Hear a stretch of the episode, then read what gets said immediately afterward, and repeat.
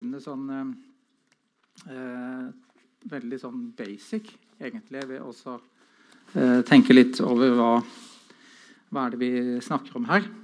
Vi snakker vel egentlig om tre typer problemer som eh, de fleste av oss kanskje sliter med eller møter. Oi sann, jeg skal stå litt lenger unna en eller annen høyttaler. Hvor er høyttaleren? Sånn feed her? Her, skal jeg prøve å stå her? Ok. Eh, som mange av oss sliter med i ulike sammenhenger. Eh, på jobb, på skole osv. osv. Eh, og de tre problemene er det som har på en måte vært utgangspunktet for eh, utviklingen av en diagnose som kalles ADHD. Attention Deficit Hyperactive Disorder. Eh, vi er liksom vant til å tenke ADHD i, i de fire bokstavene. Men de tre problemene det er da eh, konsentrasjon, altså konsentrasjonsvansker, uro og impulsivitet.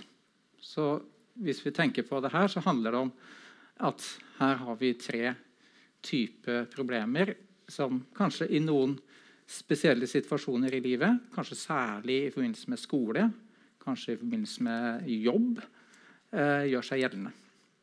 Og... Eh, eh, min inngang til det her, som er en sosiologisk inngang, handler da bl.a. om å måtte, interessere seg for å studere hvordan de tre problemene på en måte oversettes til en medisinsk diagnose. Det er det man i, innenfor sosiologien og på en måte en, en sånn slags helsesosiologi, som er en sånn delområde av sosiologien, eh, fra sånn 60-70-tallet, det er den prosessen man kaller medikalisering. Altså et, at et eller annet problem eh, tas hånd om, problematiseres, legges inn i det medisinske systemet. Vil si at man eh, kobler en eller annen vurdering, en type diagnostisering, en eller annen type behandling til det problemet. Og der det, I, i den medisinske sosiologien så finnes det ganske mange eksempler på det. som vi kommer litt tilbake til. Men la oss holde litt fast ved de tre problemene. Noen tror at min kritikk handler om at jeg ikke anerkjenner de problemene. Det er feil. Fullstendig feil. Jeg har kritisert ADHD-diagnosen. og De som har fulgt med på litt debatt, har kanskje sett at jeg har deltatt i den type debatt før. Og jeg har kritisert diagnosen og prosessen med å oversette de problemene til medisin. For Vi vet alle at vi har ulike evner til konsentrasjon. Vi har uro i oss på ulike nivåer. Vi er impulsive i mange ulike situasjoner, men også på ulikt nivå. Og hvis vi tenker over de egenskapene, altså man må tenke det her, Noe er genetisk, altså vi er født med forskjeller. Noe er miljøbasert. altså Vi vokser opp i en familie i noen situasjoner, kanskje noen traumer. Eh, noen situasjoner som gjør at vi er annerledes enn andre. Og innenfor de fleste sånne la oss si, individuelle variasjoner så tenker vi at det fins altså det man kaller Gauss-kurve. Den ser omtrent sånn ut. En Gauss-kurve En Gauss-kurve kan f.eks. beskrive evnen til konsentrasjon. Så Hvis vi ser for oss at den Gauss-kurven er sånn, så betyr det at okay, vi har et område med alle de som er relativt gode til å konsentrere seg. Og Da er det antall individer på Y-aksen, og så er det evnen til å konsentrere seg. Ja, Det blir sånn for dere da, på X-aksen. ikke sant? Så de som ligger i den enden her, det er den lille gruppa som har veldig store problemer med å konsentrere seg. Alle de som ligger her, det er de som er rimelig gode til å konsentrere seg.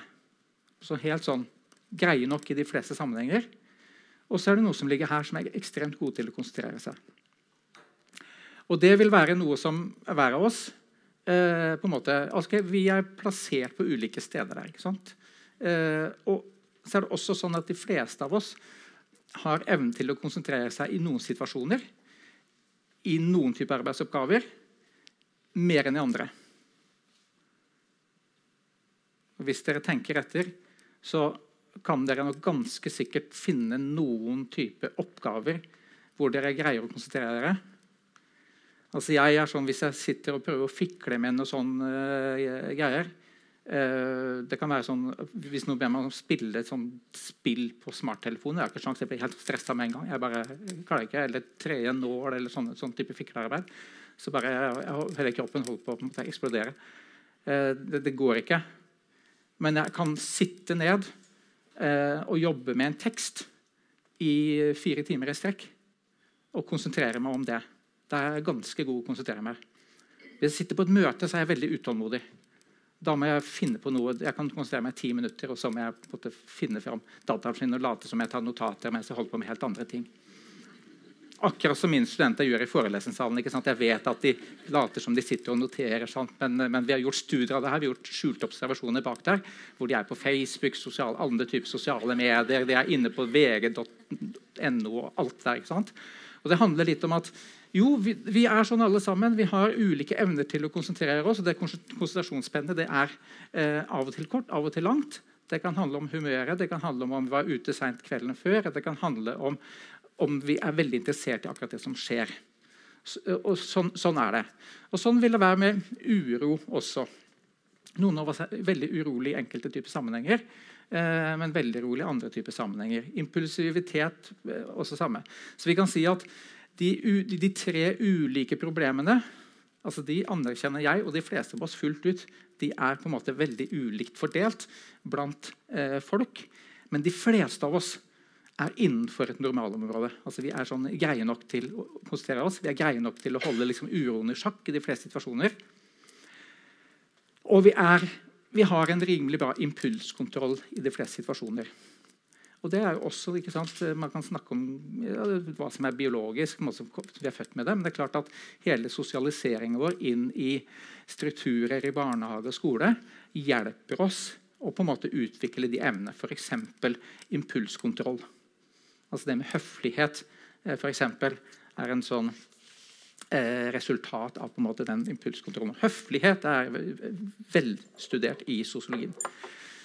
Ok, til det medikaliseringstemaet som jeg nevnte i stad.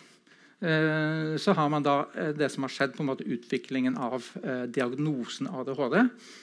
Som har skjedd i Norge kan vi kanskje snakke om i løpet av en 30 år. Jevn vekst i diagnose, jevn vekst i bruken av medikamenter. Og som da gjør at de problemene, de tre problemene som er beskrevet, de tas inn i det medisinske området i større og større grad. Og det, det som er viktig med den Gaus-kurven, det er følgende Hvis noe skal gjøres eh, til et medisinsk problem, så betyr det at det medisinske fagområdet setter en grense mellom det normale og det avvikende. Det normale er det friske, den friske, de friske. Det avvikende er den syke, de syke, sykdommen. Og Det som er interessant med ADHD, det er at den grensen settes ganske forskjellig. og den grensen flyttes. Hvis vi tenker over måte, la oss si, norske populasjonen, så kan vi regne med at evnen til å konsentrere seg til impulskontroll og sånn, den endrer seg ikke så mye over tid. Særlig hvis vi har veldig stor tro på at det er biologisk. Den biologiske eh, populasjonen i Norge er ganske lik sånn for 30 år siden. 40 år siden. Eh, et annet interessant eh, og da, da, kan man stille spørsmålstegn hva er det som, hva er det som gjør at måte, man har hatt den veksten i diagnostikk og bruken av medisiner på de her tre problemene. Det er det sentrale spørsmålet. Og den sosiologiske forklaringen på det eh, handler litt om at man oversetter variasjoner som handler om sosiale situasjoner, som handler om skolesituasjoner, som handler om hva som skjer i hjemmet, i nærmiljøet osv. Man oversetter det til individproblemer som kan behandles medisinsk, fordi man har funnet ut at eh, noen typer medikamenter, altså Ritalin, et av de mest brukte, at de på en måte virker positivt, altså dempende på uro f.eks., økende på konsentrasjonsevne på mange barn, ungdom og voksne. Og Da kan man jo slutte at de som da får en positiv effekt av det medikamentet, at de er syke. Men det er fullstendig feilslått logikk. For det betyr ikke at, at medikamenten virker, betyr ikke at du er syk. Hvis noen av dere har sett eh, dokumentaren 'Take Your Pills', som ligger på Netflix, så er det en dokumentar som handler om eh, Ritalin brukt som prestasjonsfremmende medisin blant eh, amerikanske studenter. Som er en voldsom økning. I Norge så hadde vi et tilfelle eh, i um, nyhetene i mai eh, for to år siden. tror jeg. Eksamensperioden, typisk. Eh, hvor det ble veldig problematisert eh, på NRK nyhetssending at eh, det var avdekka at det var ganske mange norske studenter som i eksamensperioden fikk tak i Ritalin eh, på en måte liksom på svartebørsen, kjøpt av de som hadde det, hadde resept eller eh, lignende, eller hadde fått tak i på andre vis, kjøpte det eh, for å bruke det for å greie å konsentrere seg bedre, lese lenger i eksamensperioden. De hadde sikkert glemt at de skulle ha eksamen på slutten av semesteret. Så hadde de brukt tida til andre ting. ikke sant? Være på studentersamfunnet eller noe sånt. Eh, sånn som jeg også holdt på med. En stund, i hvert fall. Eh, så full forståelse for det. Det som ble, var problematisert, det var bl.a. av eh, godeste Madsen, leder i Legemiddelverket. Var de klar over hvor farlig det her var? Skaper avhengighet, har fullt av bivirkninger uten å problematisere at det her er medisiner som 2-3% av skolebarna går på.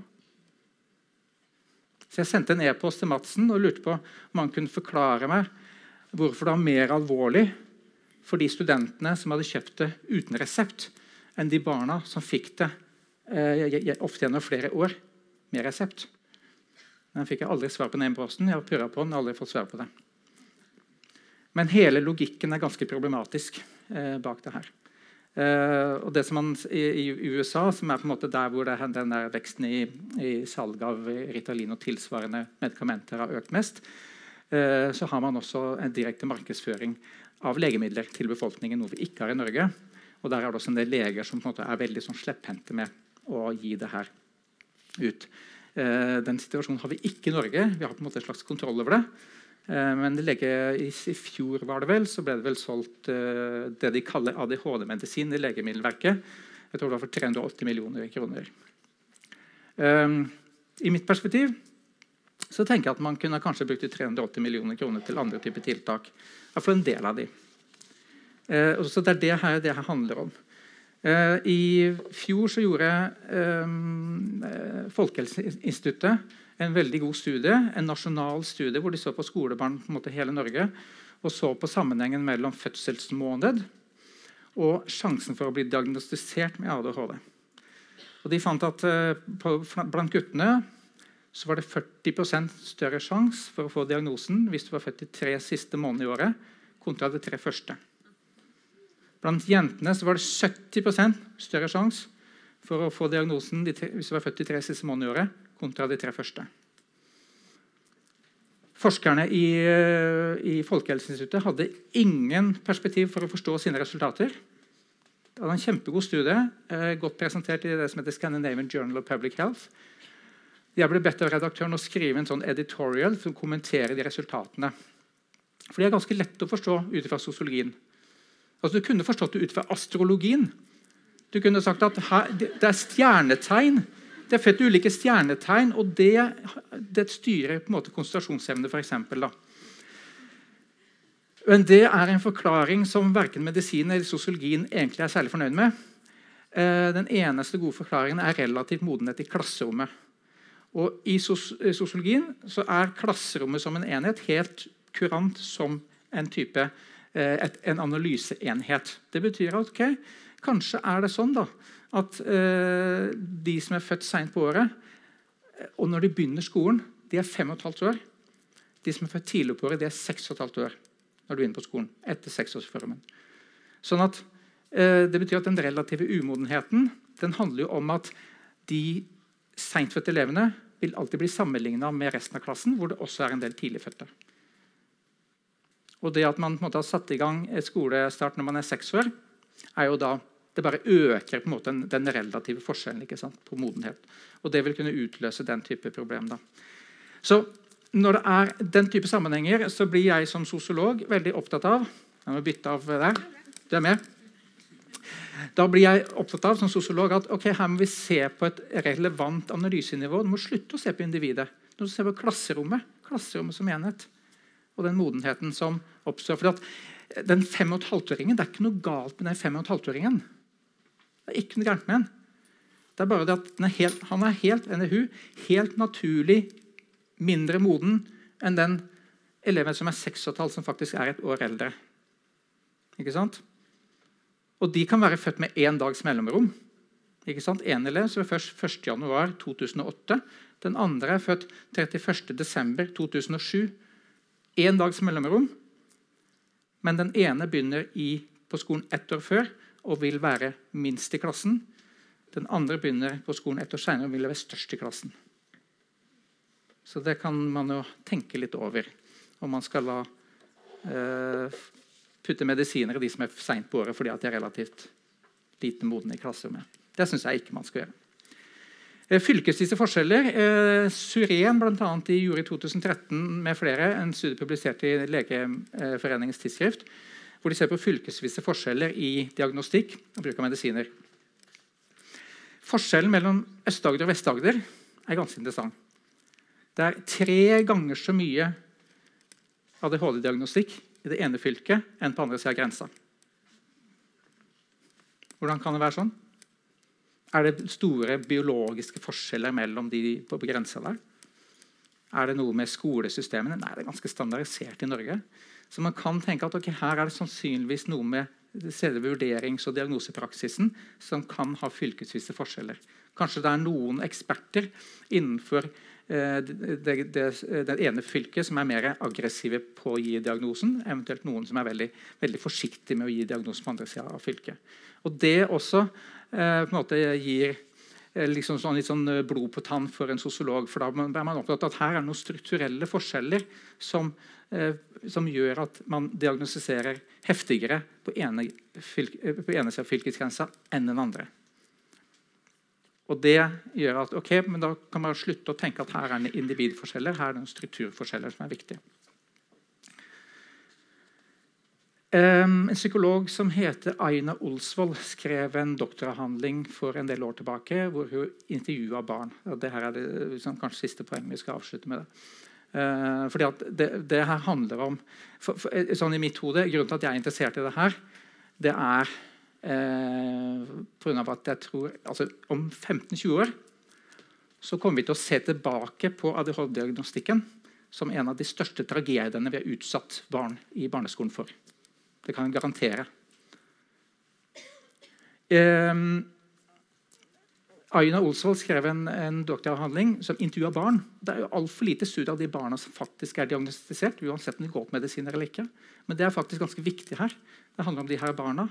Og de snakker om det å føle seg annerledes. De snakker om det å ta de her pillene for å på en måte dempe av, noe av det de føler som seg sjøl. Noen av de gutta snakker om at de mister noe av det guttete ved seg. Vi skulle liksom tatt det helt ut, så kunne man snakke om en sånn form for kjemisk kastrering. Det er å ta det litt ut. Det er jo det. Men, men, men tenk litt over det. Hva det betyr å være hva det kan bety å være gutt. I, en, jeg hadde en student som studerte uh, intervjua en del mødre. og Hun hadde en, en partner fra uh, Iran. Eh, og, og, og, han sa jo at han kunne ikke skjønne hva det her handla om. For hjemme, hjemme, hos han der kom så var alle gutter sånn. Som på en måte den stesønnen hans. Så det er en sånn det er noen sånne kulturelle forskjeller også der. og det er helt klart Hvis vi ser på de ulike forskjellene i ulike land Vi skal Sør-Europa. Frankrike har eh, i all hovedsak ikke diagnosen. Det handler om ulike skolesystemer, det kan handle om ulike oppdragelser osv. Eh, vi kan regne med at måte, det, det, genetiske grunnlaget, det biologiske, er sannsynligvis forskjellig. Men sosialiseringa og skolesystemet kan utgjøre en stor forskjell. Eh, men det her med de, hvordan de barna opplever det, er kjempeviktig. Det er mye stigma knytta til det å få en diagnose. Samtidig så er det jo sånn at diagnosen kan altså Mange som snakker om det her, og når jeg, jeg kritiserer diagnosen Jeg kritiserer ikke problemene, men jeg kritiserer diagnosen ADHD og praksisen der. Så er mange foreldre for eksempel, som har eh, barn som er blitt diagnostisert, som føler seg tråkka på tærne. For de tror at jeg ikke, ikke, anerkjenner problemene. Men jeg gjør det fullt ut. Men jeg kjøper ikke at den veksten eh, skal være som den er. Og de fylkesforskjellene skal være som den er. De forskjellene uh, avhengig av hvor på året man er født, skal være som det er. Jeg aksepterer ikke de forskjellene. Det kan vi ikke leve med. Og Vi kan ikke leve med de barna som blir stigmatisert, som føler at de mister noe av gutteheten din, sin. Og de, også En del av de eh, i Aina Olsvold sitt materiale sier sånn, noen av de som var litt sånn aggressive. og så eh, var det i sånn intervju med en gutt som sa ja, det, det er ikke jeg som slår, det er ADHD-en min som slår. Så også at uh, Man har en slags idé om at ADHD ligger som en sånn slags enhet inni seg som har en egen på en måte handling. Eh, sånn det, det, er også noe med det, hele det selvbildet er ganske problematisk. Ja, og Da handler det om eh, kausalitet, altså årsak-virkning.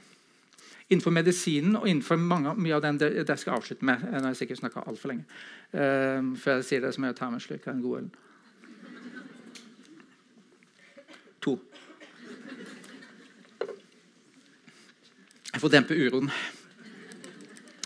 Altså ja, Det er en annen ting, vi skal ikke snakke om det, men også det med rusmisbruk og sånn er vanlig blant, eh, blant mange som er blitt organisert. og Det er en, en annen side av saken. Vi lar det ligge inntil videre. Um, kausalitet, årsak-virkning. Innenfor mye av det som er skrevet om ADHD, så snakker man om barn med ADHD, eller individer, personer med ADHD. Det må alle være så snill slutt å, å si det. Aldri snakk om noen med ADHD. De er diagnostisert med ADHD. ADHD er ikke en ting inni kroppen som du går og bærer. ADHD er en medisinsk merkelapp. Det man kan kalle en medisinsk konstruksjon av det problemet. En medisinsk rekonstruksjon av et sosialt, eh, pedagogisk, læringsretta, lærings, læringsrelatert problem. Så ikke si at noen har ADHD, eller at det er noen, går, altså noen med ADHD. De er diagnostisert med ADHD. Hvorfor det? Jo, jeg var i en debatt på Dagsnytt 18 med en av de eh, fra Folkehelseinstituttet, forskerne der. Så sier hun at man må jo være klar over det at ADHD fører til eh, læringsvansker. Selvfølgelig, det er ikke sånn. Det er noen typer læringsvansker som fører til at man kan bli vurdert og kanskje diagnostisert med ADHD. Det må man få inn. Det er helt essensielt. Så Den medisinske merkelappen ADHD brukes på, eh, på, på elever, ungdom og voksne som opplever alvorlige problemer med konsentrasjon og eller uro og eller impulsivitet. Men det er ikke sånn at det er ADHD som skaper impulsivitet eller skaper uro eller skaper manglende konsentrasjon den kausaliteten går fra et eller annet problem til en diagnose som settes innenfor et medisinsk system. Når jeg ba Torbjørn Røe Isaksen i fjor etter en sånn morgenbladartikkel kommentere ADHD-problematikken fordi at jeg mener at skolen må eh, sette større søkelys på det her innenfor skolesystemet, så var første svaret at ja, det skal skje.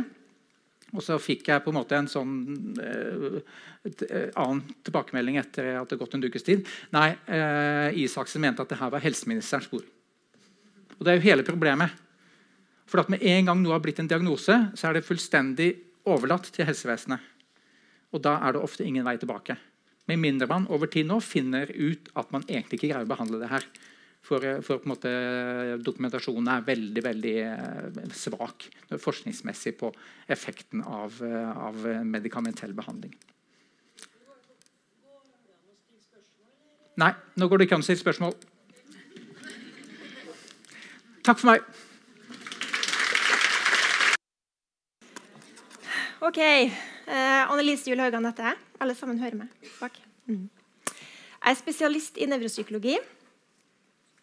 Og jeg har blitt invitert hit eh, for å snakke om ADHD fra et klinisk perspektiv. Eh, jeg, det stemmer at uh, jeg er nå nylig starta opp som en stipendiat, så jeg er nå per definisjon forsker, men det har jeg bare vært et halvt år. Og jeg skal ikke presentere mine forskerstudier her i dag. Men det jeg skal snakke om, det er at jeg skal snakke om ADHD sånn som vi hva skal jeg si, i spesialisthelsetjenesten kjenner det eh, i forhold til det å ha jobba i over ti år eh, i barne- og ungdomspsykiatrien med barn og unge med ADHD, utviklingsforstyrrelser, eh, lærevansker, atferdsvansker, emosjonelle vansker, tics Tourettes syndrom, autismespekterforstyrrelser. Jeg tenker at jeg i løpet av de ti årene som jeg har jobba nå, sikkert har møtt flere hundre familier. Dvs. Si barn, ungdom og foreldre som har stått akkurat oppi hva dette dreier seg om.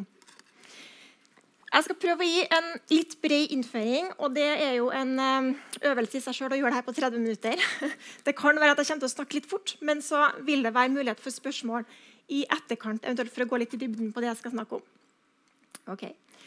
Så eh, Jeg skal prøve å si litt kort om det her. Historikk, ADHD-diagnosen, tilleggsvansker, utredning, behandling, myter og fakta. Eh, hvis vi skal snakke litt bare veldig kort i forhold til et historisk blikk, så er det sånn at eh, det her med som Tjora er inne på, det her med å være urolig, rastløs, eh, litt ukonsentrert, eh, det er ikke noe som er nytt. Altså Fra tidenes morgen så har mennesker vært forskjellige. Fra vi har levd i et jakt- og fiskersamfunn til at vi nå har blitt et mer akademisk retta samfunn. Så det her med å være urolig og ha konsentrasjonsvansker det er ikke noe nytt. på 1700-tallet på slutten av 1700-tallet, eller opplysningstida, så ble det her med fornuft og kunnskap ansett som mye mer viktig i forhold til samfunnet vårt. Og På slutten av 1700-tallet så var sir Alexander Christian, en skotsk lege, en av de første som nedtegna eh, beskrivelser av barn som fremsto med en ekstrem mental rastløshet, som var et problem i en skole-, lærings- og undervisningssetting. På 1940-tallet så eh, snakka man om MBD, eh, Minimal Brain Dysfunction. Eh, det var en tilstand som hadde veldig ADHD-lignende symptomer, med barn som var veldig urolig, hyperaktive, hadde atferdsvansker, konsentrasjonsvansker, som man så kom i kjølvannet av epidemier som var på slutten av 1920-tallet. Eh, Encefalittepidemier, eh, som man så ga barn en del sånne symptomer. Det gjorde at man tenkte at uh, de her symptomene det må handle om en liten hjerneskade uh, eller en uh, hjernedysfunksjon. På 1960-tallet var det noen som med mer eller mindre hva skal jeg si, et uhell begynte å medisinere barn med atferdsvansker med Ritalin. man så at barn som var veldig urolige i atferd, når de fikk en liten dose Ritalin eller metylfenidat, ble betraktelig roligere. 1974 så kommer den første egentlig, betegnelsen på det vi kaller hyperkinetisk syndrom. Da fikk vi ICD-10, som er den diagnosemanualen som vi bruker i, eh, i, Norge og ellers i Europa og ellers i verden, bortsett fra USA, som er Verdens helseorganisasjon sin diagnosemanual. Eh, da kom de første beskrivelsene av det her med hyperaktivitet impulsivitet som en diagnose. 1974. Så 1980 så eh, kom definisjonen ADD, som står for Attention Deficit Disorder. Og Den kom da i det amerikanske diagnosesystemet, DSM. 1987, ADHD-diagnosen. Da snakker vi om oppmerksomhetsvansker og hyperaktivitet. 1997, hyperkinetisk forstyrrelse. Det er den diagnosen som per definisjon er brukt i Norge, Skandinavia Europa. Eh, også ellers, eh, bortsett fra USA. Eh, med beskrivelse av hyperaktivitet og oppmerksomhetsvansker. Så Det kalles hyperkinetisk forstyrrelse her i Norge. Eh, mens eh, i 2013 så eh, kom det amerikanske diagnosesystemet DSM-5 eh, med en revisjon av ADHD-diagnosen, for det, er det de kaller denne, med nye alderskriterier. Før var det sånn at man kunne få en ADHD-diagnose. Da måtte du ha symptomer før du var sju år. Den ble endra til en, at du måtte ha symptomer før tolv år. 2018, det vil da si i år, så får vi i ICD-11 et nytt diagnosesystem i vårt diagnosesystem, vår diagnosemanual, med ADHD-kriterier som i DSM-5. Og Det var bare som en veldig kort bakgrunn for det, sånn, det diagnostiske bakteppet. For hva er egentlig ADHD? Hva er det for noen ting? Det er definert som en utviklingsforstyrrelse som oppstår i barndommen. 5 av barn og unge i alderen 5-18 eh, år er antatt å fylle denne eh, diagnosen. Det gjelder ikke bare i Norge, det gjelder internasjonalt. Store metaanalyser reviews med eh, journalført i Lancet Psychiatry, eh, Nature Reviews, som viser studier som er gjort Afrika, Asia, USA, eh, Norge viser at prevalensen, eller antallet mennesker med ADHD, er 5% på verdensbasis, men vi har ulik diagnostisk praksis. Det vil da si at I USA eksempelvis, så har de høyere andel eh, barn, ungdom voksne som har denne diagnosen. Men når man ser på hvordan man bruker diagnosekriteriene, så tenker vi at det er omtrent like mange eh, i alle kontinent, kontinentene våre som har eh, her vanskene. Tre til én gutter og jenter. Det er helt klart flere gutter enn jenter som får diagnosen. Tre ganger så mange gutter som jenter får den. Når vi ser på voksne, så er det omtrent én til én. Så forskjellen utjevner seg hos de voksne. Hva er det altså? Det er en forstyrrelse av oppmerksomhet og aktivitet som er kronisk og funksjonsnedsettende. Det vil si at du har oppmerksomhetsvansker, du har uro. De må være vedvarende, de må være kronisk. Det, vil si, det er noe du må ha hatt minst før du er tolv år. Du skal ha det jevnt over fra dag til dag i ulike setninger, og det skal medføre et funksjonstap for dette barnet. Eh, det som også er veldig typisk, er vansker med egenregulering. Regulere din egen atferd. Og dårlig på fremtidsretta atferd. Så kommer vi tilbake til det. Eh, vi kaller det i dag en spektrumlidelse. Oi, beklager. Um, og det vil da si uh, Vi har ADHD-diagnosen på toppen.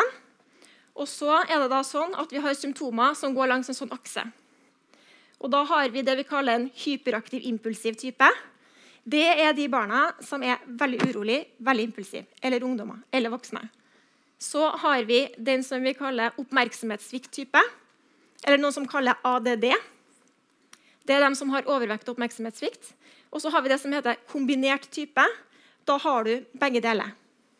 Det vil da si at du kan ha store oppmerksomhetsvansker, eh, også veldig mye uro og impulsivitet, men du kan også ha graderinger rundt her. Ok, Så hva er faktisk diagnosekriteriene? Når vi ser i den diagnosemanualen som vi bruker, så er det her kriteriene for en diagnose. Du har symptomer på hyperaktivitet og impulsivitet. Du har symptomer på oppmerksomhetssvikt.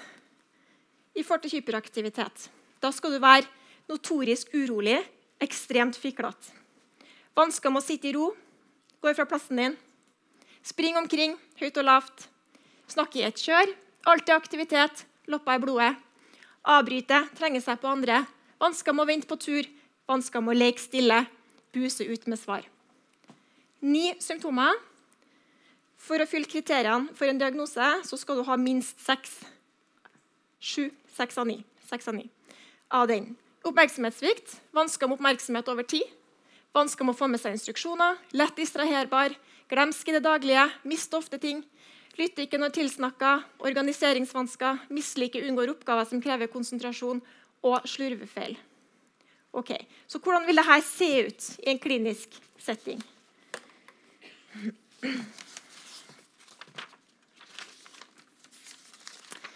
Lille Ola kommer til BUP. Han er en gutt på fem år. Han har et høyt aktivitetsnivå. Fra han starter dagen i barnehagen, så vandrer han rundt som en strikkmotor. Han hopper fra en aktivitet til en annen. Han har kort utholdenhet og kjeder seg fort. Han kan være sosial og blid, men vil gjerne styre leken eller ha ting på sitt vis. I samlingsstund er det vanskelig å sitte i ro. Han er gjerne borte i sidemannen, snakker høyt utenom tur eller vandrer rundt.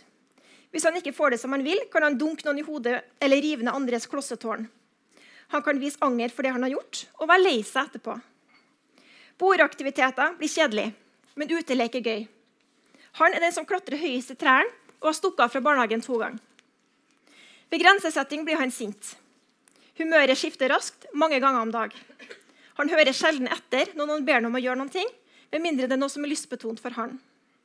Han kan være frekk i munnen og si stygge ord. Foreldre får beskjed om at han har bitt et annet barn og må inn til foreldresamtale. På kjøpesenter og butikker kan Ola forsvinne hver gang han ser noe nytt og spennende som fenger. Om ettermiddagen er aktivitetsnivået høyt. Han turner i sofaen når han ser på TV, og han må ha en iPad for å roe seg ned. Den kan han sitte lenge med hvis det er gøy. Ved leggetid skal han gjøre tusen ting. Han får ikke stelt seg før foreldrene fysisk loser ham gjennom alle trinn. Når han skal legge seg, er ikke Ola trøtt. Han tenker på alt som har skjedd på dagen, og hva som skal skje i morgen. Han sovner ikke før foreldrene har sittet en time ved sengekanten og strøket over ryggen. Neste dag våkner han lys våken klokka seks for en ny dag. Ola begynner på skole til høsten, og foreldre er spent på hvordan dette skal gå. Så har vi ei jente på 14 år som kommer henvist til oss eh, med spørsmål om depresjon og selvskading. Hun jenta her er veldig smart. Hun har evner som er godt over gjennomsnitt. Men hun strever sosialt, og hun strever på skolen. Lærerne opplever henne som trassig. Jenta beskriver et kronisk tankekjør oppi hodet. Jeg får aldri fred. Jeg får ikke konsentrert meg om det jeg må. Jeg har en indre motor inni meg som alltid går. Jeg fikler. Jeg snakker med sidemannen og tenker på hva jeg skal gjøre etter timen. Jeg blir fort avleda av lyder rundt meg. Jeg kommer aldri i gang. Ved spørsmål fra lærer eller ved spørsmål i timen så kan jeg godt vite svaret. Men innen, eh, men innen jeg skal på en måte svare, så har jeg glemt hva jeg skulle si. Jeg sier ting til venner som jeg angrer på. Jeg er kronisk forbanna på søsken som ikke lar meg være i fred. Og krav fra foreldre om å få gjort lekser. Humøret mitt svinger hele tida. Det er hele tida mas og krav som jeg ikke kan leve opp til. Jeg føler meg sliten, men samtidig urolig. Lekser er et ork. Jeg har mange glupe tanker i hodet mitt, men jeg får ikke organisert dem på arket. Jeg kommer aldri i gang. Jeg blir avledet av alt rundt meg og klarer ikke å holde fokus over tid. Øving til prøver er et mareritt. Okay.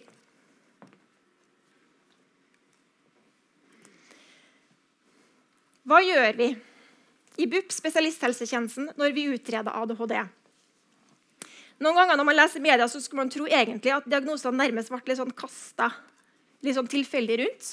Men det er faktisk et ganske uh, ryddig og velorganisert system og en ganske grundig utredning som skal uh, gjøres for at det blir satt en diagnose.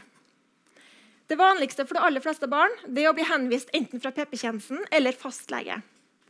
Uh, når det gjelder barn under 18 år, så er det vanligvis sånn at hvis barn strever på skolen, eller de strever med humør eller atferd, så kommer de gjerne innom førstelinjetjenesten først. pedagogisk-psykologisk tjeneste. De går inn, observerer klassen, snakker med lærer, gjør kanskje en evnetest. De snakker med barnet, de snakker med foreldre, gjør en grunnutredning. Så setter de i gang tiltak.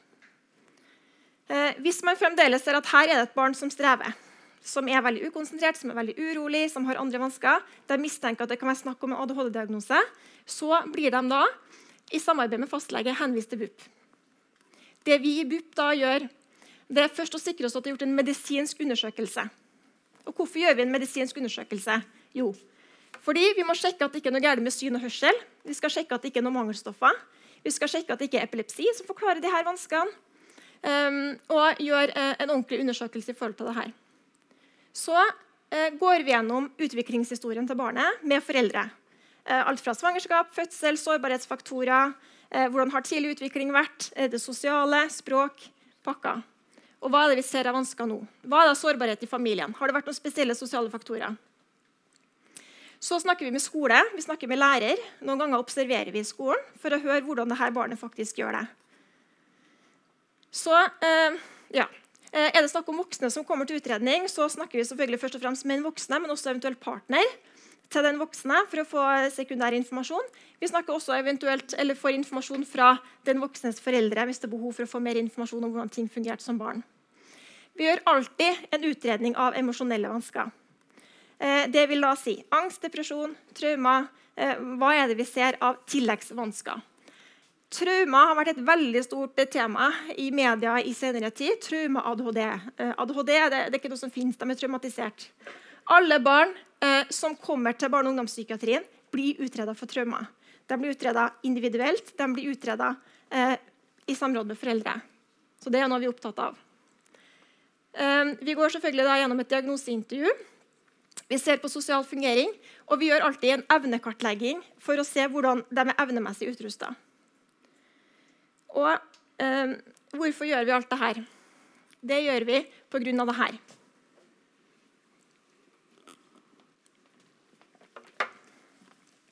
Først og fremst så er det veldig viktig hvis man først fyller kriteriene for en ADHD-diagnose, å finne ut er det sånn at du faktisk fyller kriteriene for en ADHD-diagnose. Det gjør vi ved denne utredningspakka. Men det er bare et lite bilde. For 75% av dem som fyller kriteriene for en ADHD-diagnose, har tilleggsvansker. Det er veldig vanlig. Hos barn og unge ser vi en, eh, en hyppighet i forhold til angst på 30-40% Det er vanlig å ha angst i tillegg til disse symptomene. Vi ser også depresjon. Depresjon øker på med økende alder. Så små barn kan ha depresjon, men det er ikke så vanlig. Kommer det opp i ungdomsårene over i voksne, så er depresjon veldig vanlig. Søvnforstyrrelser 70% 70% av barn med ADHD har en søvnforstyrrelse. Det er faktisk et ganske stort problem. Eh, lærevansker 30 Hva er lærevansker? Det er dysleksi, det er, eh, det er dyskalkuli, det er nonverbale lærevansker. Det kan være alle varianter, men også ikke minst at de underyter i stor grad på skolen. Tics Tourettes syndrom 20% av dem ADHD har det. Tics. Snufse, lage lyder. Blunke, riste på hodet, fot som går. Ja? Tics. Har du begge deler, lyder, motoriske ting, så har du Tourette. Sosiale vansker veldig vanlig. Er du veldig urolig, uregulert, impulsiv, så er du ikke veldig sosialt populær nødvendigvis. For du bruker opp vennene dine, du prater for fort, du sier for mye, du blir upopulær, du blir utestengt. Veldig mange har sosiale vansker. Og Det ser vi både fra de minste barna, som sliter med å få til sosialt samspill med andre, og vi ser det hos eldre ungdommer. Atferdsvansker 23-45% Hva er atferdsvansker? Opposisjonell atferdsforstyrrelse. Små barn nekter å høre etter. De biter, de sparker, de utagerer, de slåss. Hører ikke etter, bryter regler. Um, Atferdsvansker. De lyver, de stjeler. Eh, som også medfører vansker og utfordringer i familien. Autismespekterforstyrrelse. 1% av befolkninga fyller kriteriene for en autismespekterforstyrrelse. Før var det sånn at Hadde du autisme, så fikk du en ADHD-diagnose i tillegg. i forhold til diagnosemanualen. Det har de endra på det nye diagnosesystemet. Av dem som fyller kriteriene for en autismespekterforstyrrelse, så har 50% ADHD. Så det er veldig vanlig for dem som har det, og også har samtidig ADHD. Bipolar lidelse 20 eh, Manisk depressiv, alvorlig deprimert. Manisk oppstemt. Syklotymi, raske svingninger 20% Personlighetsforstyrrelser. Personlighetsforstyrrelser er jo ikke noe vi ofte diagnostiserer i barne- og ungdomspsykiatrien, men personlighetsforstyrrelser har sitt opphav tidlig i ungdommen. Og vi kan se det hos de eldste ungdommene med ADHD, at de har en overhyppighet av personlighetsforstyrrelser som de tar med seg over i voksen alder. Epilepsi det er en god del barn som har epilepsi, som også får ADHD.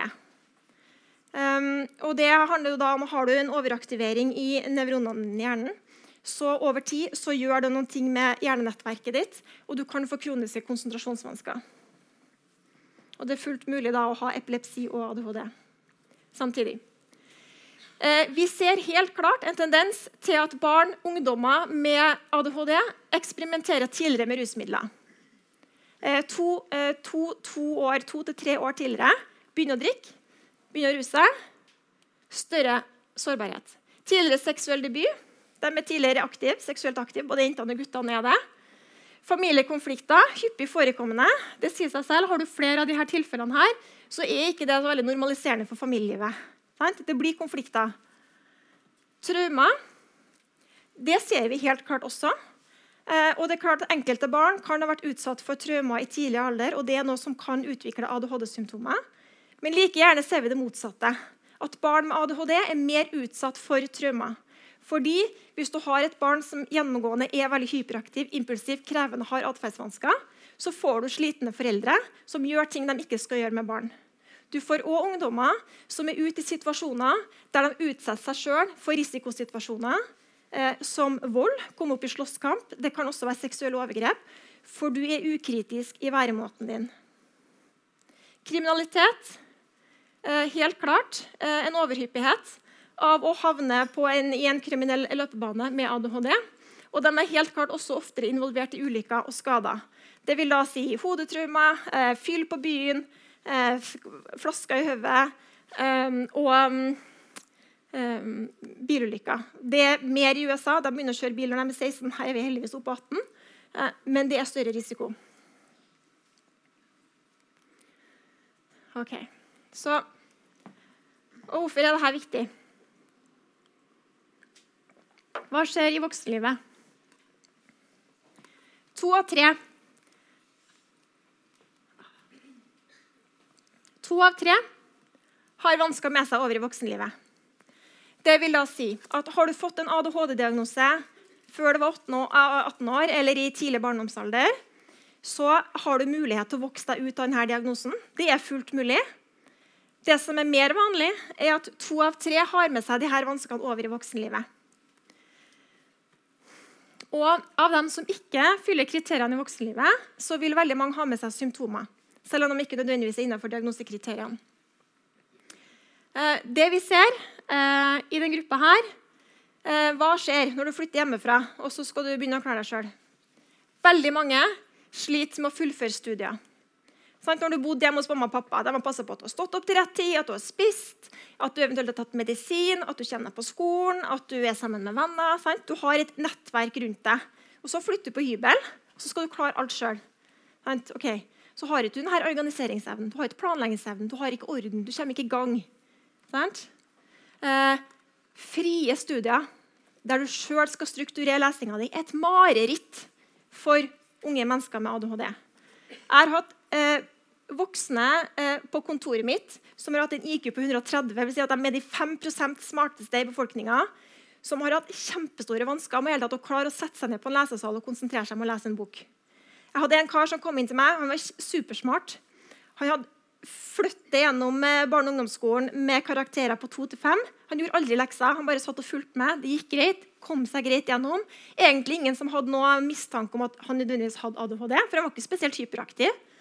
Kommer han på universitetet, setter i gang med alt mulig annet, leser alt mulig som han er interessert i. Men det her å faktisk sette seg ned og lese en pensumbok eh, før en eksamen er et utrolig mareritt.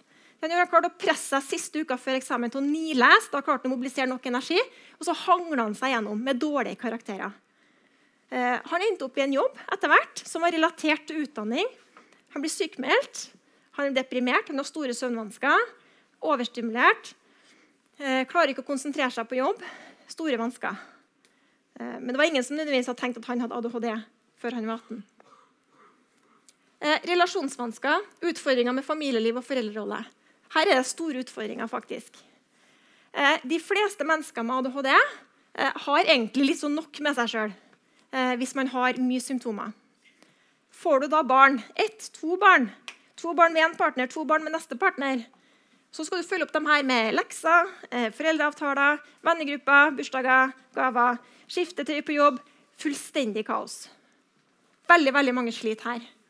Eh, konflikter med samboer, hyppigere samboerbytte. Um, eh, her er det store utfordringer. Lavere jobbstatus. Eh, vi ser en tendens til at voksne med ADHD hyppigere blir sparka fra jobb fordi de kommer ofte i konflikt med kollegaene sine. De møter ikke opp i riktig tid. De får ikke gjort det de skal til riktig tid. De blir lei av jobben. De blir hyppigere sykmeldt og skifter hyppigere jobb. Også helt klart lavere jobbstatus. Vi ser helt klart en tendens, og det viser forskninga jevnt over, at de som har ADHD, de underpresterer i utdanning og de underpresterer på jobb. De har ikke en jobbstatus som nødvendigvis står til det evnemessige forholdet som de eventuelt måtte ha. Tidlig uførhet ser vi helt klart. Eh, hyppigere på Nav. Fungerer ikke i jobb. Kommer ut i uførhet. Høy andel med emosjonelle vansker. Depresjoner. Tilbakevendende depresjoner 70% Veldig hyppig hos voksne. Sårbarhet for personlighetsforstyrrelser, borderline antisosial, det er en overhyppighet helt klart med personlighetsforstyrrelser. Og vi ser også det her med rusmisbruk og kriminell atferd som en stor risiko. Det er publisert ganske mye artikler eh, både her i Europa og USA nå, i forhold til fengselspopulasjoner. Og Der varierer tallene fra 50 til 80 i forhold til de som sitter i fengsel. Eh, at man anser har utreda 50-80% fyller kriteriene for en ADHD-diagnose. Men der er det selvfølgelig også sammensatt av veldig mye annet, med lærevansker, psykiatri, personlighetsforstyrrelser osv. Men vi snakker om en sårbarhet. OK. Årsaker.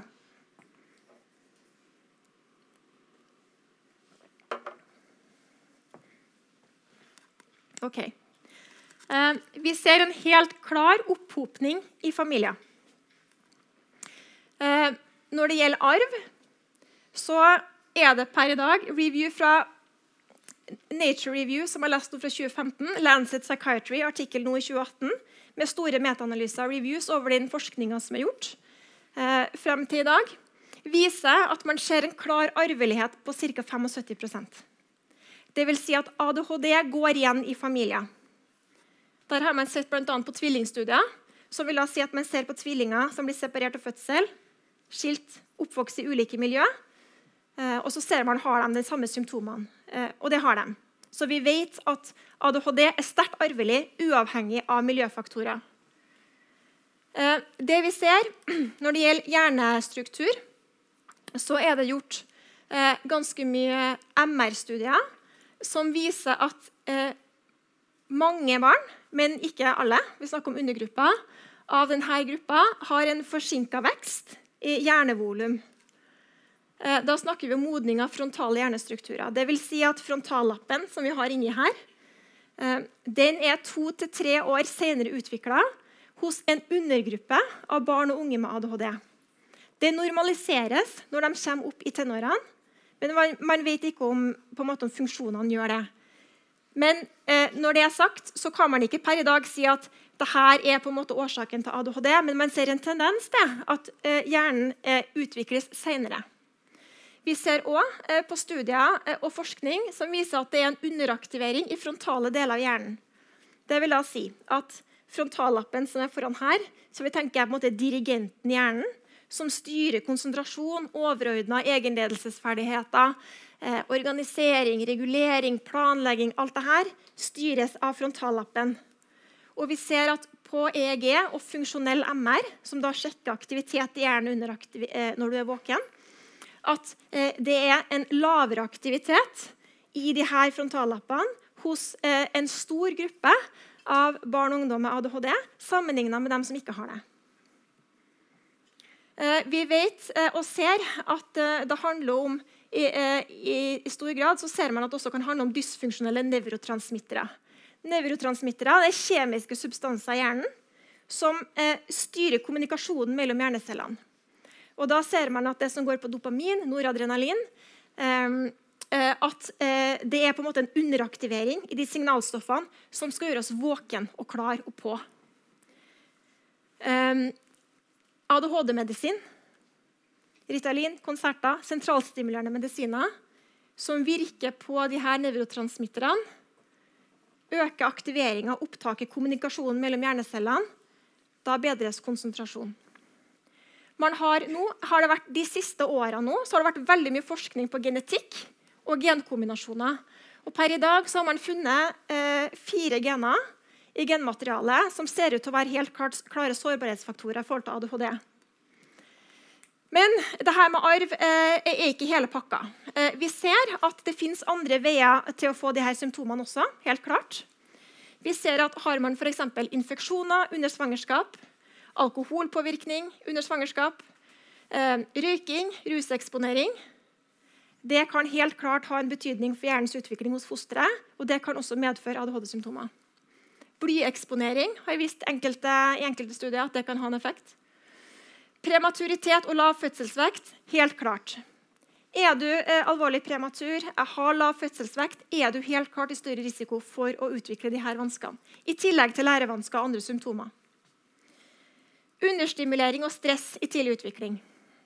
Vi vet at små barn som utsettes for alvorlig grad av stress når de er små i utvikling, særlig de første etter tre leveårene, eh, er i risiko for å utvikle større konsentrasjonsvansker. Det vil si, har du foreldre som har alvorlige psykiske problemer, eh, rusmisbrukere, eh, har et høyt konfliktnivå i en familie som vedvarer over tid, og medfører et høyt stressnivå for dette barnet, så utsondrer dette barnet kortisol, som påvirker hjernefunksjonen. Og Det vet vi også kan være sårbart eller skadelig. Så ser vi at en høyere andel i familier med lavere sosioøkonomisk status, og vi tenker at det handler om genetikk og miljø. Ok, Behandling. Hva er, hva, hva er, behandling, og hva gjør vi i spesialisthelsetjenesten? For nå kan man nesten tro at okay, alle barna får medisin, og det er det de får. Ut med dem. Okay. Vi har noen nasjonale retningslinjer eh, i Norge eh, som vi bruker i forhold til hva er god behandling for barn, ungdom, voksne med ADHD. Eh, det som alltid vil være det primære, er kunnskap og forståelse. Det å faktisk få en diagnose vil medføre at man vet at dette er et barn som strever med konsentrasjon, som strever med å regulere seg sjøl, som kanskje har sosiale vansker, som vil underprestere, som sliter med å regulere seg sjøl. Det må vi ta hensyn til og legge til rette for. Det er veldig viktig å kjenne barnets styrker og begrensninger. Sant? Hva er realistisk at vi skal forvente at dette barnet klarer? faktisk? Sant? Har du et barn som er veldig urolig, så kan du forvente at dette barnet skal sitte i ro en halv time og gjøre lekser hver dag. Sant? Det er helt urealistisk. Vi må legge til rette for. Hva er styrkene til dette barnet? Hvordan lærer det best? Hvordan fungerer det best? Når fungerer det best? Og så utnytter vi det og bruker det og veileder skole og foreldre i forhold til å tilrettelegge for det her. Belønningssystem funker veldig bra på veldig mange. Barn, ungdom, eh, barn unge og også voksne. Belønningssystem i eh, hjem, belønningssystem i skole. Dvs. Si, når du må gjøre noe som ikke er lystbetont, så gjør vi det en liten stund, og så får du en belønning umiddelbart etterpå. Og den belønninga er noe som er lystbetont for barnet eller ungdommen. Og Det kan være fra spille data, spise en sjokolade, sitte med iPad, eh, ringe en venn, gjøre noe som er gøy, se en TV-serie. Belønning umiddelbart etterpå, det ser vi funker. Foreldreveiledning kjempeviktig. sant? Eh, omsorg. Hva er god omsorg? Hva er god kommunikasjon? Struktur. sant? Faste rutiner er det som funker på alle barn, men det er særlig viktig hvis du har et barn med ADHD. De utrolige årene, eh, Hvis du har barn med atferdsvansker, vi vet at det er en overhyppighet, så har man et tilbud som har vært i førstelinjetjenesten og i BUP, som heter De utrolige årene, som gir strukturert veiledning til foreldre på hvordan de skal håndtere barnet sitt, snakke med barnet sitt, sette grenser, leke med barnet sitt, ha godt samspill.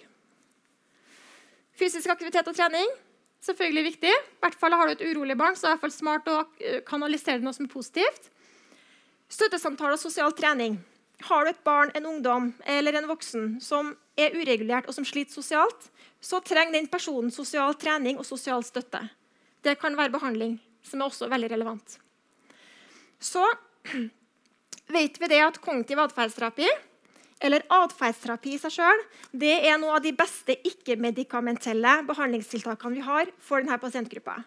Det vil da si at vi jobber med barnet og ungdommen, den voksne, i forhold til å jobbe med tankemønster, i forhold til hvordan vi regulerer atferden vår, i forhold til hvordan vi planlegger, organiserer, eh, blir bedre til å strukturere oss i forhold til måltid, i forhold til søvn, eh, problemløsning, organisering. Sånn. Vi gir verktøy også for å, å bruke det i hverdagen. Eh, og da må jeg bare få si veldig kjapt da, at det er det her mitt, eh, mitt, forskningsprosjekt Eller ikke mitt forskningsprosjekt, men det jeg skal gjøre min forskning på som stipendiat. Og det går på å gi ungdom med ADHD et gruppetilbud med kognitiv atferdsterapi i tolv uker for å se om de her ungdommene etter denne intervensjonen i gruppe på åtte ungdommer fungerer bedre etterpå. Det har det vært en del studier på nå som viser at eh, det har effekt på atferd, på selvregulering. Eh, I voksenpsykiatrien har de også begynt å komme litt etter på gruppebehandling. Eh, det, voksenpsykiatrien har tradisjonelt ligget veldig bakpå når det gjelder oppfølging av voksne med ADHD. Men de begynner å komme etter nå. og det er noen, i hvert fall på sykehuset Levanger vet jeg, at de har vært veldig flinke med gruppebehandling der. Og også nå Nidaros DPS, mener jeg. Og også eh, begynner det å komme noe tilbud nå i førstelinjetjenesten eh, som skal styrke for voksne. Så må jeg si da, litt eh, kjapt i forhold til det med medikamentell behandling. Eh, når det gjelder alle disse behandlingene her Ingenting av dette hjelper på ADHD-symptomet. Dette tar ikke bort konsentrasjonsvanskene dine. Det tar ikke bort uroen, impulsiviteten. Men det gjør at du kan bli bedre til å regulere deg sjøl. Kanskje fungerer du bedre sosialt. Du får, uh, bedre, um, bedre sosial. Uh, og du uh, får mindre atferdsvansker. Og du får kanskje også mindre psykiske problemer. Men det tar ikke bort oppmerksomhetsvanskene dine, og det tar ikke bort uroen. Det er det bare det her som gjør. Medikamentell behandling. Ritalin, konserter, Stratera, eh, sentralstimulerende medisiner og noen som ikke er sentralstimulerende. Det er de eneste som tar ADHD-symptomene i seg sjøl.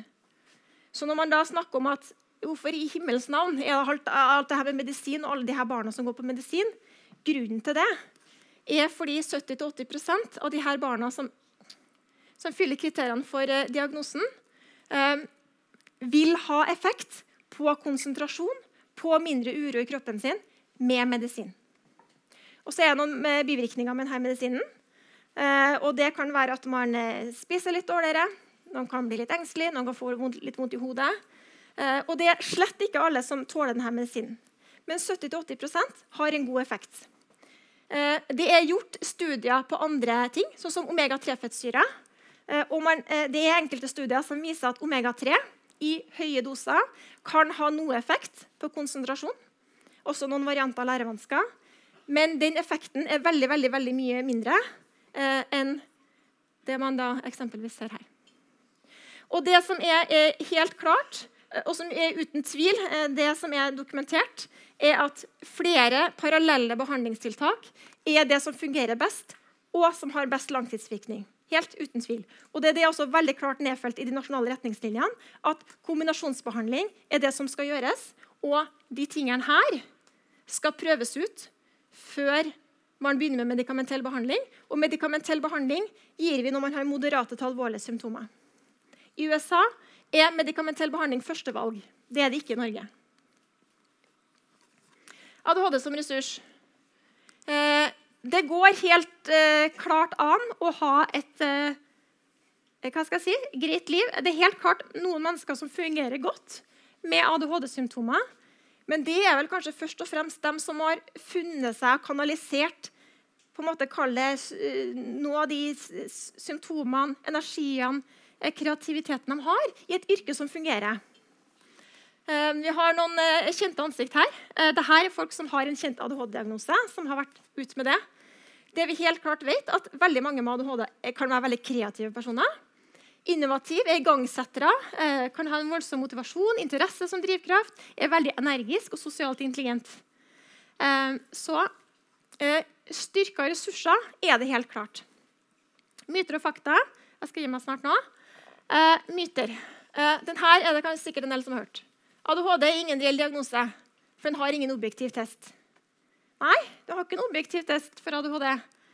Men det gjelder også alle andre psykiatriske diagnoser. Schizofreni, depresjon, spiseforstyrrelser, eh, bipolar lidelse, eh, tilfeller av epilepsi, tidlig stadium av Alzheimer. Det går på observasjoner. Vi har ikke én blodprøve vi har ikke én oppmerksomhetstest som kan si ja, nå har vi svaret. Det er ikke sånn. Sånn er psykiatrien laga. Um, ehm, ADHD kommer av stress, for mye dataspilling, dårlig oppdragelse, dårlig ernæring, tilsetningsstoffer i mat, matintoleranse. Det fins ingen vitenskapelige holdepunkter for dette. Det er testa ut tro meg, fra 1966 gjort 30 000 artikler som er publisert på ADHD. Man finner ikke holdepunkter for det. Eh, det vil si at det finnes noen studier som viser at enkelte barn som kan ha en matintoleranse, eh, kan fremstå og ha eh, større vansker med konsentrasjon og uro ved f.eks. stor grad av tilsetningsstoffer i mat. Og noen som kan ha da, nå, matintoleranse. Eh, men det er klart, da snakker vi om små undergrupper, og det er ikke den gemene hopen av dem som får en diagnose. Så hva prøver jeg egentlig å si? Ingen med ADHD er lik. De fleste med ADHD har mye ressurser, gitt riktig tilpasning og støtte. Og Krevende atferd handler om manglende evne, ikke vilje. Søk hjelp, jo før, jo heller. Riktig behandling og støtte, det hjelper. Så må jeg si takk for meg.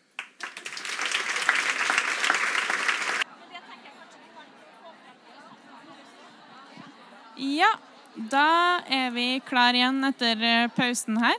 Da er det klart for debatt.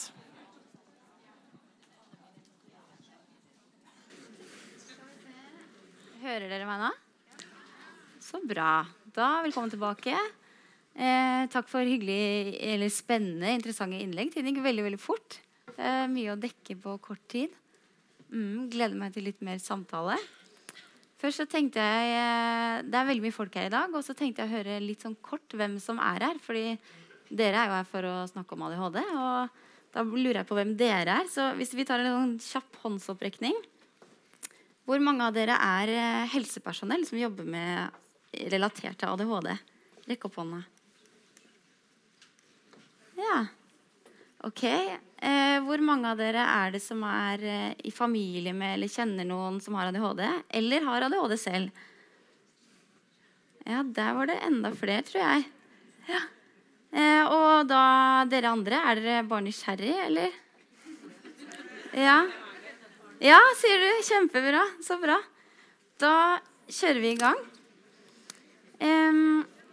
Det første Det første jeg lurer på, er jo at uh, Aksel Hora snakker om Eller i mediene opp, så kan vi lese om denne ADHD-debatten.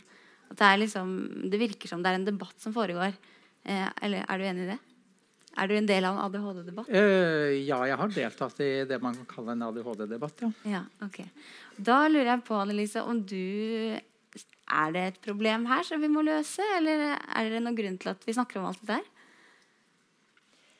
Um, at altså for min del så i forhold til ADHD-debatt altså Jeg forstår ikke helt spørsmålet. altså Når det gjelder ADHD-diagnosen, så er det jo sånn i, i spesialisthelsetjenesten i, i, måte, i, min verden, da, i klinikk, så er det på en måte ikke noe spørsmål om ADHD-diagnosen fins. Altså, den er anerkjent eh, og har vært anerkjent i både den Verdens helseorganisasjons diagnosemanual og den amerikanske diagnosemanualen siden 70-tallet.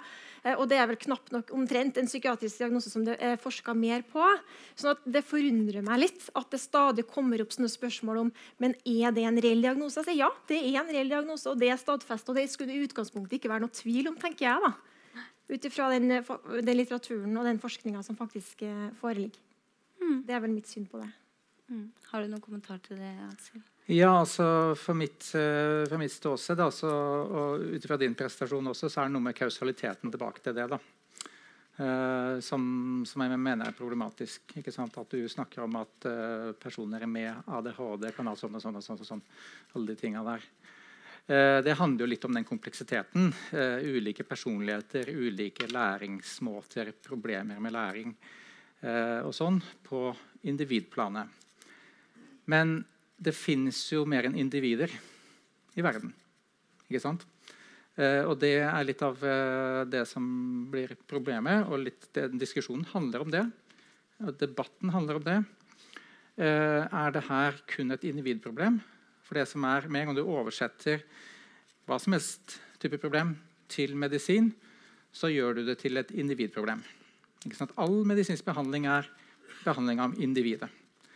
Eh, og da utelukker du det å eh, jobbe med hva som skjer i klasserommet. Altså Jeg tegna den Gaus-kurven, ikke sant? og du sier at okay, du har et område som, er, eh, som du ikke problematiserer fordi at det er si, elever som konsentrerer seg godt nok i skolen. Setter du en grense der på de som blir vurdert, og noen av de som måtte bli vurdert, vil på en måte få diagnosen og en eller annen type oppfølging. Men hva med de som er ekstremt dårlige til å konsentrere seg, men ikke over avviksområdet? Hva med de? Hva om det at eh, en del i klasserommet sliter med å konsentrere seg og får en diagnose? Hva om det handler om dårlig pedagogikk i klasserommet? For å få pauser i løpet av skolehverdagen? For lite aktivitet i klasserommet? Er- man må løfte, opp, må løfte opp i det perspektivet. for det må- Du må problematisere f.eks. skolen og de reformene som har vært. Seksårsreformen, Kunnskapsløftet, alt det der, som tvinger elever ned på skolebenken. Konsentrasjon, regning, skriving, lesing. Mindre aktivitet, mindre kunst og håndverk. Eh, det kan vi problematisere. Og veksten i diagnosen forteller oss at her har vi eh, utvikla skolen i feil retning. Og Problemet med å kun fokusere på individer og diagnostikk gjør at man måte, nuller ut andre typer tiltak. Og Det er da eh, Torbjørn Isaksen som forrige eh, kunnskapsminister sier at det er ikke hans spor. ikke sant? Fordi at Da er det oversatt til et medisinsk problem. Og, så det kan du utfordre deg litt. da. Hvis du kan forklare ut fra ditt perspektiv eh, hvorfor altså Om du kan forklare det som Folkehelseinstituttets undersøkelse fant i fjor.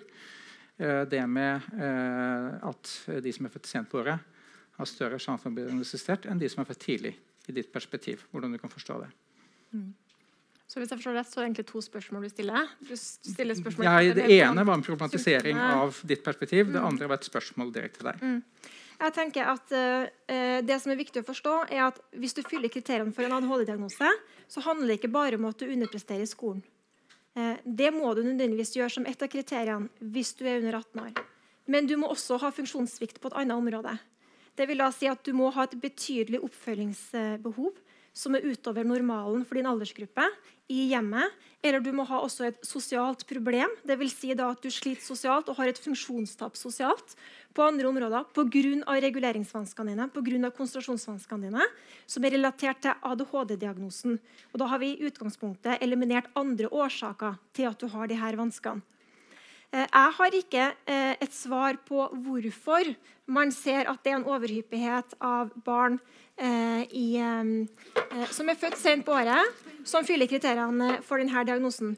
Men Det er klart at det kan være tilfeldigheter, det kan være handle om ulike faktorer. Men det er klart at det, jeg tenker det er et poeng at er du født i desember og du sier en 7-8-9-10-åring Eh, så, og du sammenlignes med en som er født i januar, så kan det være en ganske stor forskjell i forhold til modenhet. Eh, men det som er fakta er jo at eh, det er jo den aldersgruppen 10-14 hvor de fleste får en diagnose av de som er barn og unge. Og det er jo sånn at de her Symptomene skal jo være kroniske over tid. Og det skal være sammenligna med en aldersgruppe så skal det være et uvanlig på en måte stort eh, fravik. Eller det skal være utenom normen. Eh, og det er jo ikke sånn at eh, Ut ifra det argumentet så skulle du jo tro at er du født sent på året, så, så vil du liksom skal det forklare at du gjennom hele livet har konsentrasjonsvansker, motorisk uro og impulsiv? Det er jo ingen logikk i det. For det er jo nettopp det at dette er kronisk forekommende. 75% har det med voksen. Det har ingenting med at du var født på året og du får den diagnosen. Du har eh, funksjonstapet hele veien. Og det er faktisk et av kriteriene. Sånn at, uh, som sagt, Jeg kan ikke svare på akkurat hvorfor det er sånn. Men når det er sagt, så kan man godt si og argumentere for at barn som da er eh, kanskje veldig umoden for alder når de begynner på skolen, kanskje skulle de hatt utsatt skolestart et år. Kanskje hadde det vært et fornuftig tiltak. Men er de likevel urolige og ukonsentrert når det vedvarer, så kan du like fullt fylle kriteriene for en diagnose. Ja. Kan jeg bare respondere på det? Eh, ja, kort. Eh, da syns jeg du skulle utvide perspektivet ditt litt. Fordi at den forskninga som Folkehelseinstituttet gjorde for, det er jo folk innenfor din disiplin. Det er medisiner og statistikere. Eh, og det er veldig solid forskning. Og du er veldig glad i å forholde deg til forskning. som du viste i sted. Mm. Så jeg syns du skal forholde deg til den, den, eh, den artikkelen. Eh, fordi at det viser en eh, forskjell som, som, ikke er mulig å forklare individuelt, men du kan forklare det i relativ modenhet i klasserommet. Og Det syns jeg man skal forholde seg til, for det sier noe om at man kan gjøre noe med de problemene her i klasserommet. Og Jeg har fått uh, Trondheim kommune med nå på å prøve å gjøre et forsøk hvor vi prøver å sette sammen så aldershomogene klasser fra første klasse som mulig. Altså at Hvis du har en barneskole med fire klasser, så setter vi sammen sånn at ja, 1A der er elever født i januar til mars, 1B april til juni osv. For da vil du redusere liksom, det aldersspennet. ikke sant? Sånn at, eh, du, du, kan godt snakke om at uh, det her vedvarer over tid, men det er jo faktisk, altså det som Folkehelseinstituttet har data på, det er jo faktisk uh, diagnostikk av barn. Mm. Og når de har diagnostisert barn altså Du er veldig opptatt av at det er presisjon i diagnostikken. Ja, men det er flott, for det underbygger jo at den sammenhengen er sterk. ikke sant? Mm. Så, så, Derfor så mener jeg at det må forholde seg til det resultatet. En nasjonalt uh, stor studie.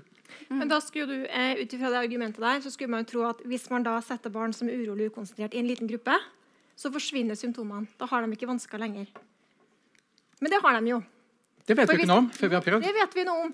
Fordi at uh, Støttetiltak i forhold til smågruppeundervisning og støttetiltak i skolen det er obligatorisk. De aller fleste barn, eller Det er egentlig et kriterium at alle barn i Norge som får en ADHD-diagnose før de er 18 år, da skal PP-tjenesten ha vært inn. Veldig mange av dem har en sakkyndig vurdering. De har smågruppeundervisning. Noen av dem har én-til-én-undervisning også. Men uansett så viser forskninga at selv om du har støtteundervisning over tid, så vil du likevel ha konsentrasjonsvansker som gjør at du presterer under evne i skolen. Så det er ikke sånn at du nuller ut effekten av konsentrasjonsvanskene ved støttetiltak. Der kan du lese review-artikler som er i høye nivå. Det er gjort masse forskning på det her. Og hadde det vært så enkelt som at satt vi de her barna i en smågruppeundervisning, da hadde vi jo ikke trengt medisin. Og man skulle nesten tro at leger i, i barne- og ungdomspsykiatrien her i Norge eh, bare på en måte tenker at ja, nei, eh, bare vi gir dem medisin nå. Eh, eh, det er det eneste de skal ha. Men det er jo nettopp fordi at man har prøvd de her støttetiltakene i forkant og sett at det ikke fungerer at man nettopp gir dem medisin. Fordi at det på toppen av de andre støttetiltakene gjør at de her barna har best effekt. Og Det er grunnen til at det er flere barn og ungdommer som medisineres i dag, enn det tradisjonelt har vært tidligere. For vi ser at det er en reell effekt, og det øker funksjonsnivået til barna. Og det gjør at de fungerer veldig mye bedre på sikt, og det forebygger emosjonelle vansker, det forebygger rusproblemer, eh, og det gjør at de her barn og ungdommene får et veldig mye bedre liv. Veldig mange av dem. Nå snakker jeg ikke om alle, men jeg snakker om den store delen. Og det er de barna som jeg møter i BUP. De barna, de ungdommene, de foreldrene. Jeg ser den effekten, for jeg har dem først. Så har jeg gjennom en utprøving. Så har vi evaluering etter medisinering. Vi snakker med barna, vi snakker med skolen, vi snakker med foreldre.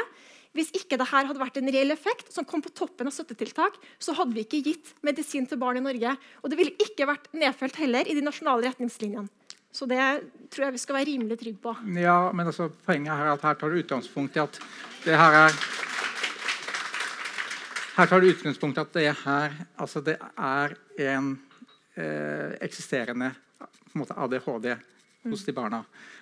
Eh, poenget med den studien hvor du ser på aldersforskjeller og den relative modenheten, mm. handler om at du kan se på diagnostikken som utløses av noe helt annet enn eh, på en måte, la oss si, individuelle problemer, men rett og slett fødselsmåned. ikke sant?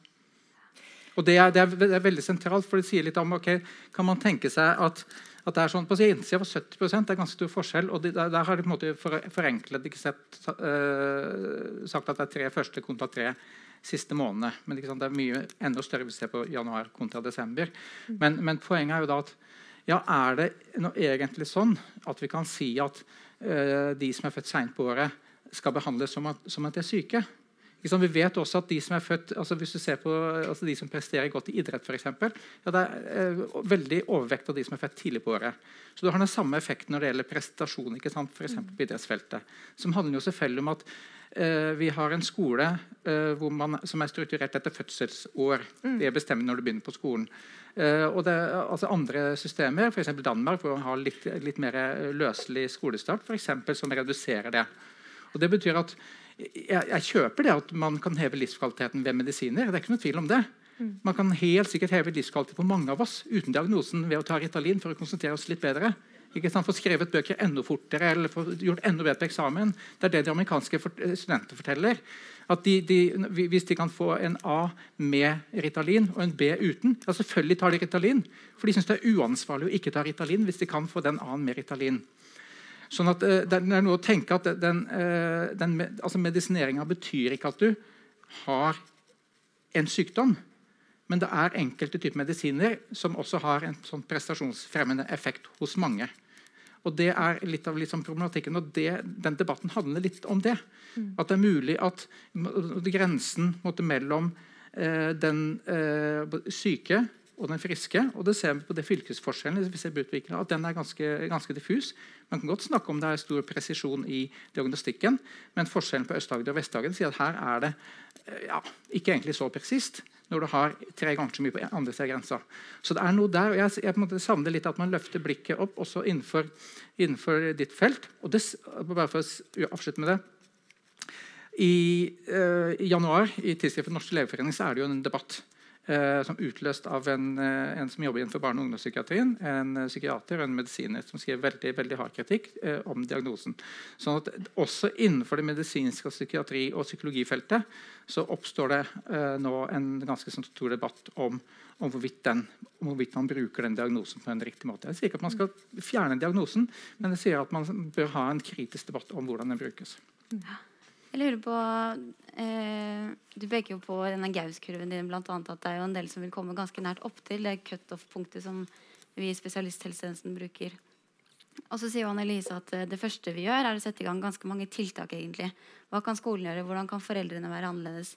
Og Vil du ikke da være enig i at en del av de tiltakene vil jo eh, om vi så sa setter for mange ADHD-diagnoser, eller at barn blir diagnostisert og satt merkelapp på, og at det ikke er riktig, så vil jo mange barn ha god effekt av de tiltakene? eller? Jo, men det, det handler ikke om uh, barn har god effekt eller ikke. Det er bra at det er god effekt med de som får medisiner. Ja, men Det er jo ikke bare medisiner. Nei, nei, nei altså, de, altså Alle tiltakene er god effekt det, men da sier du at du, for det første sier du at det her er et individproblem. Mm. Det, er no, det, er to måte, elever i den klassen her som, som utredes og eh, kanskje får medisiner eller annen type hjelp. Men da, da glemmer du at det er kanskje ikke bare de elevene som har problemer. Det er kanskje noe i klasserommet, det er kanskje noe som skjer i skolegården. Det er mange ting som skjer på skolen som gjør at de får problemer. Og det som er problemet er at gang, altså Det er en viss sånn gravitasjon eh, når det gjelder medisinske diagnoser. Det betyr at løsningshorisonten beveger seg mot det medisinske med en gang du har eh, laget en diagnose. Og det er problemet, Da slutter du å se på problemet i klasserommet. Da kan læreren puste lett ut at det er ikke jeg som er dårlig lærer. Fordi at man har funnet ut at nei, det var jo to elever i min klasse som hadde, har ADHD. Og Det er litt sånn problemet. Man må se på at, ok, og Du må også se på veksten i bruken av diagnostikk og tiltak, bl.a. medisiner, i løpet av en periode. Den har vel flatet ut nå de siste eh, Jo, jo, men det har kommet opp på et veldig høyt nivå. Og, så må du se, du må, du må se det i, i, relasjon til endringen av skolen. Sant? Man ser på de reformene som har vært på skolen, at de går faktisk i feil retning. Og da er Det noe som, det er en sånn indikasjon på at her er vi på feil vei. Sånn, at den, eh, sånn Sosiologisk sett er økningen i ADHD-diagnostikken det er en indikasjon på at vi er i feil retning innenfor skolepedagogikk f.eks. Mm. Og, og, det må jo ta seriøst. Men med en gang man har fått en diagnostikk, så er det noe med at okay, da glemmer man alt mulig annet. Setter det på spissen, glemmer man alt mulig annet, så, så, jobber man med hvert enkelt individuelle elev og dens nettverk. Man må jobbe utover det. Man må se at det her er et problem som er strukturelt også. Ja. Men Har vi noe tall på det, om det har blitt en økning i diagnostisering etter seksårsreformen? Ja, det har vært jevn økning. Seksårsreformen er 20 år gammel. Så det har vært jevn økning hele tida. Eh, det flata ut det siste, riktignok. Eh, Forskninga viser at eh, det har ikke vært en økning i insidens på ADHD de siste 30 årene. faktisk. Det det har vært økning på, det er diagnostisering av voksne. Så det har økt betydelig. Og når det gjelder medisinering, så er det først og fremst medisinering av voksne eh, medisinering av voksne når det gjelder med økninga i, i, medisinering. Så de, første, de, første, de siste åra nå så er det eh, eh fra, medisinering av voksne med Ritalin var ikke lov for i 1997. Så det er, det er, nytt at man har begynt å medisinere voksne. og Det har også gjort at medisintallene har økt. Men det har helt klart også økt for barn og unge, det her med medisinering. Det er ikke noe tvil om det. De siste 30 årene har jeg stort sett hatt uh, den diagnosen brukt i Norge. Hva sa du? Nei, det har, jo ikke, det har ikke vært noe særlig diagnostikk. Hvis du går 30 år tilbake, så er det veldig lite diagnostikk. Jo, men Poenget mitt er at incidensen, altså 5% sant? Vi tenker at det har vært 5% som har hatt på en måte de her vanskene hele veien. Det er ikke at vi tror at det øker på. Det er bare at vi blir mer oppmerksom på problematikken, og får, eh, eh, man blir mer bevisste. Eh, og man får bli henvist til behandling, og man får behandling. Ja, men da må du skille mellom problemene og diagnosen. Det er diagnosen som vokste. ikke sant? Ja, selvfølgelig Vi som gikk på skolen på 70-tallet, var jo også ukonsentrert. Og så løste man det kanskje ok, enkelte, ja, så Gå ut i gymmen, og så har du gymmen andre i klassen. sånn at du får bevege deg litt. Man løste det på andre måter. Det er ikke sikkert at det var noe bedre for alle elever. Det er ikke det jeg sier. Mm. Men, men, eh, men man, eh, du kan si at eh, problemene har alltid vært der. Det er liksom, kan, altså det som jeg prøvde å innlede med, at okay, de problemene og variasjonene er jo der. Men det er jo diagnostikken vi diskuterer, ikke sant? og den har økt. Og hvis du ser på det som har skjedd med, med barneskolen. Altså et, et, av de problemområdene er jo det med Altså å planlegge, strukturere. Hva gjorde de i barneskolen for en, la oss si 50 år siden? De hadde innført sånne ukeplaner, arbeidsplaner, hvor du overlater enda mer til elevene og deres foreldre å organisere hele uka. Ja, jeg altså, det, vi kan gå nei, men, men jeg er nødt til å bare se på at det er noen strukturer der som, som, som gjør at, får, at, de som sliter med å konsentrere seg, de får enda større problemer. Mm. Og dermed får du en økning i diagnostikken. Mm. Sant? Ja. Bare kommentere på Det for det er jo ikke noe tvil om at det her med eh, prestasjonskrav i skolen og karakterer press vil gjøre at uh, de med konsentrasjonsvansker og uro uh, vil streve mer. Men jeg må jo si at det er en veldig grov overforenkling Aksel Sjora, å si at blir bare skolen bedre, så har vi ikke liksom, et problem med ADHD. Det sa jeg ikke. For, nei, for, jo, for det er sånn du fremstiller det. Nei, jeg sa at man må også se på skolen. Ja, Aksel svarer, og så runder vi av. Ja, man, jeg sier man må også se på skolen. Jeg sier ikke at bare den ene skolen løser man problemet. Det har jeg aldri sagt. At du, du, må også se på skolen. Du må ikke glemme at her er det en kontekst. Altså, når man fjerner all kontekst, så er alle bare individer. Det er liksom Margaret Thatcher sier at 'there is no thing as society'. Jo, det er faktisk det. Det er noen strukturer, det er klasserom, det er lærere, det er pedagogikk, det er reform i skolen. Det er der. Det har en virkning. Ok, fint. Jeg hører at du vil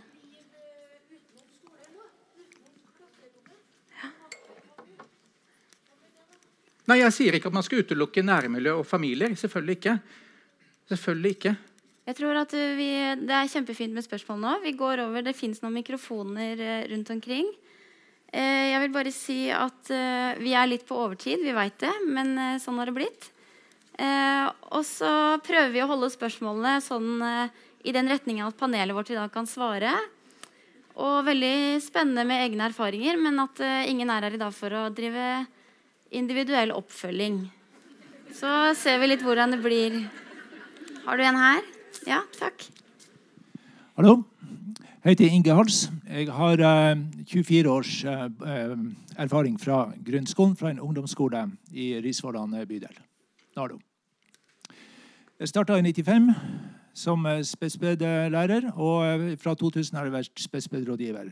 Eh, ifølge dine tall så med 5 av befolkninga så stemmer det rimelig med det innfanget vi har hatt av elever.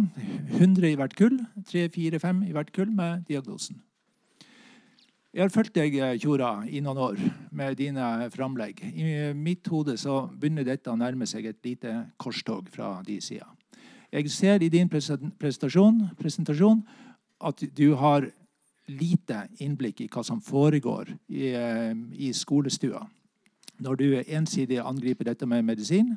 De tiltakene rundt som uh, Juel Haugan beskrev, som uh, PPT og BUP stiller forventninger og krav til i skolen før man medisinerer, det er den tyngste biten som uh, legges rundt et barn med ADHD.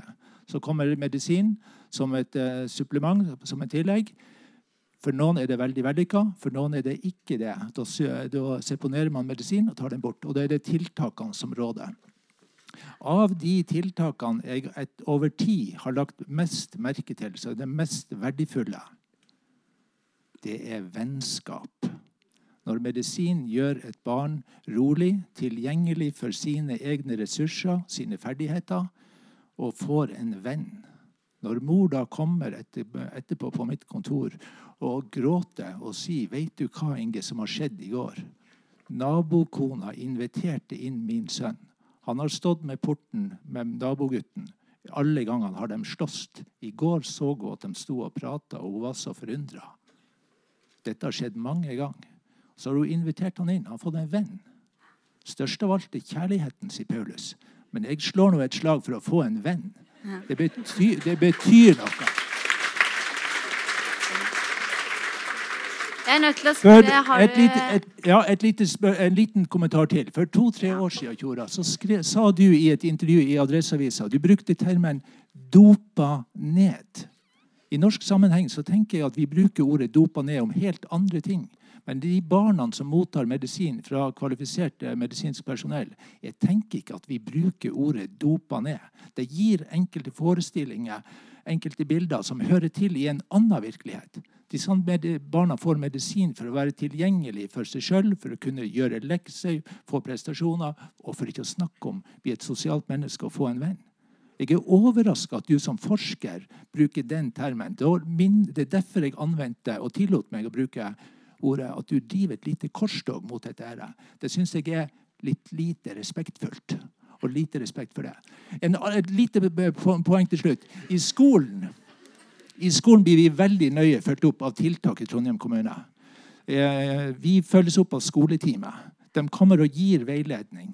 Grundig veiledning til lærerne. og til dem problemet ligger. Men lærerne og skolen er forplikta i neste sammenheng å anvende den veiledninga vi får, de pedagogiske tiltakene, som skoleteamet meget eh, godt veileder oss på, til å bruke i lignende tilfeller. Hvorfor er krims og krams og ungdomskriminalitet gått ned de siste 20 årene? Har det sammenheng med at det er bedre ivaretaking av alt dette i tillegg til medisin? Jeg synes Det kunne du vie litt av forskerinteressen din på. Kjora. Det er det forskning på som har vist. Mm. Vil du svare før vi går? Ja, jeg må nesten det. Altså, du kan si at jeg kan godt spissformulere meg en kommentar til Adresseavisa. Det har jeg ikke noe, noe problem med. Og du kan godt angripe meg for spissformuleringer. Det er helt fint. Uh, når det gjelder uh, det du snakker om, de historiene uh, så Det er klart det er veldig, veldig bra de som opplever å få et mer akseptabelt sosialt liv ved medisiner. Jeg underkjenner ikke det i det hele tatt. Men det som særlig innenfor Aina Olsvald sin doktoravhandling som var basert på intervjuer av barn, drar fram en del andre sider som handler om måten de opplever sin egen identitet, som på en måte forstyrra av, det, eh, av diagnosen og det å gå på medisiner. Det må også fram. Og så er det sånn at um, Jeg er ikke aleine om å kritisere denne diagnostikken. Nå er det tydeligere også innenfor medisin og psykiatrien også ganske mye ganske hard kritikk av det. Uh, og det er også sånn at Jeg får også ganske mange fortellinger etter at det står fram og, og kritiserer en del av økninga. Og jeg stiller spørsmålstegn ved eh, ved på en måte det med de, de store. For fylkesvise forskjeller sånn som, som, gjør at de må se litt hva er, som, hva er det som skjer her. Jeg får ganske mange folk som kommer og forteller meg og er eh, opptatt av eh, at den kritikken eh, bringes fram. Og det er faktisk sånn, jeg må bare si også, ganske mange som ikke tør å stå frem i den kritikken. For de vet at de tråkker på masse mange tær, at de får sjikanøse tilbakemeldinger i kommentarfeltet. og alle mulige steder. Og Det er også en side ved det her som jeg synes man kan ta fram hvis man skal spisse det. Ja. Mm. Jeg bare få kommentere veldig kjapt i forhold til med eh, regionale forskjeller. Altså Regionale forskjeller kan komme om hvor tilgjengelig er helsetilbud i de ulike, i, i, ulike, fylkene. Enkelte fylker har høyere tetthet av et helsetilbud enn andre fylker. Men det kan også være individuell kultur, hvor enkelte BUP eller poliklinikker har vært mer opptatt av å hegne av uh, ICD-10-kriteriet for ADHD, som, kan, som er hyperkinetisk forstyrrelse, som innebærer at du må både ha hyperaktivitet, impulsivitet og konsentrasjonsvansker for å få en diagnose. Det vet vi at det er noen fylker her i landet sørafor som har vært veldig opptatt av å hegne mer der, mens den internasjonale forskninga og litteraturen på området eh, går helt klart i retning av at det er undergrupper som har overvekt, oppmerksomhetsvansker og reguleringsvansker, som også skal ha denne diagnosen, men som ikke har hyperaktivitet. Og Det er jo der også den nye diagnosemanualen vår går nå, også i Norge, Verdens helseorganisasjon, i tillegg til det den amerikanske diagnosemanualen har vært. Eh, så det kan helt klart forklare en del av de regionale forskjellene. Mm, Da går vi videre til neste spørsmål. Jeg er sikker på at det er flere som lurer på noe. Vi har en her. Og en uh, der. Jeg tror vi tar her først. Hei. Eh, veldig spennende med det sosiologiske blikket på denne debatten. Eh, men for at kritikk skal være konstruktiv, så burde man jo ha et løsningsforslag. Så jeg lurer på, hva, hva er ditt alternative løsningsforslag på det problemet som vi kanskje har i dag?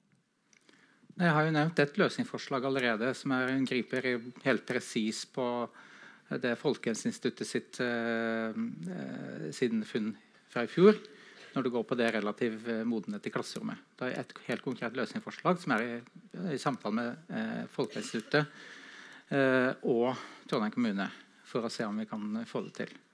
Så det er en, rett og slett et eksperiment for å se om man kan redusere det her. Det andre, det andre løsningsforslaget det er å løfte det opp eh, på og Det er det jeg prøvde på ministernivå innenfor eh, utdanningsfeltet. Men det er tydeligvis vanskelig, fordi at eh, med en gang det er diagnostikk, så er det veldig vanskelig å, å, for en kunnskapsminister å kommentere det. rett og slett. Sånn er det. det er? Vi har en sånn silotenkning. Jeg redigerte en bok eh, som het eh, 'ADHD og disiplinerte samfunn', som kom for et par år siden. Og Det, det disiplinerte samfunnet handler bare altså, bo, altså Det er en tosidighet. Vekten på disiplin i skolen, arbeidsliv og, og, planlegging, arbeidsplaner og alle mulige sånne type ting. Eh, men det er også det disiplinerte samfunnet som gjør at vi, vi, vi er for spesialiteter som er veldig i, i siloer. Altså pedagogikken for seg, psykiatrien for seg, samfunnsvitenskapen for seg osv. Som gjør at vi ikke greier at vi ikke greier å løse problemet på tvers. Så jeg prøver i, i de her eh,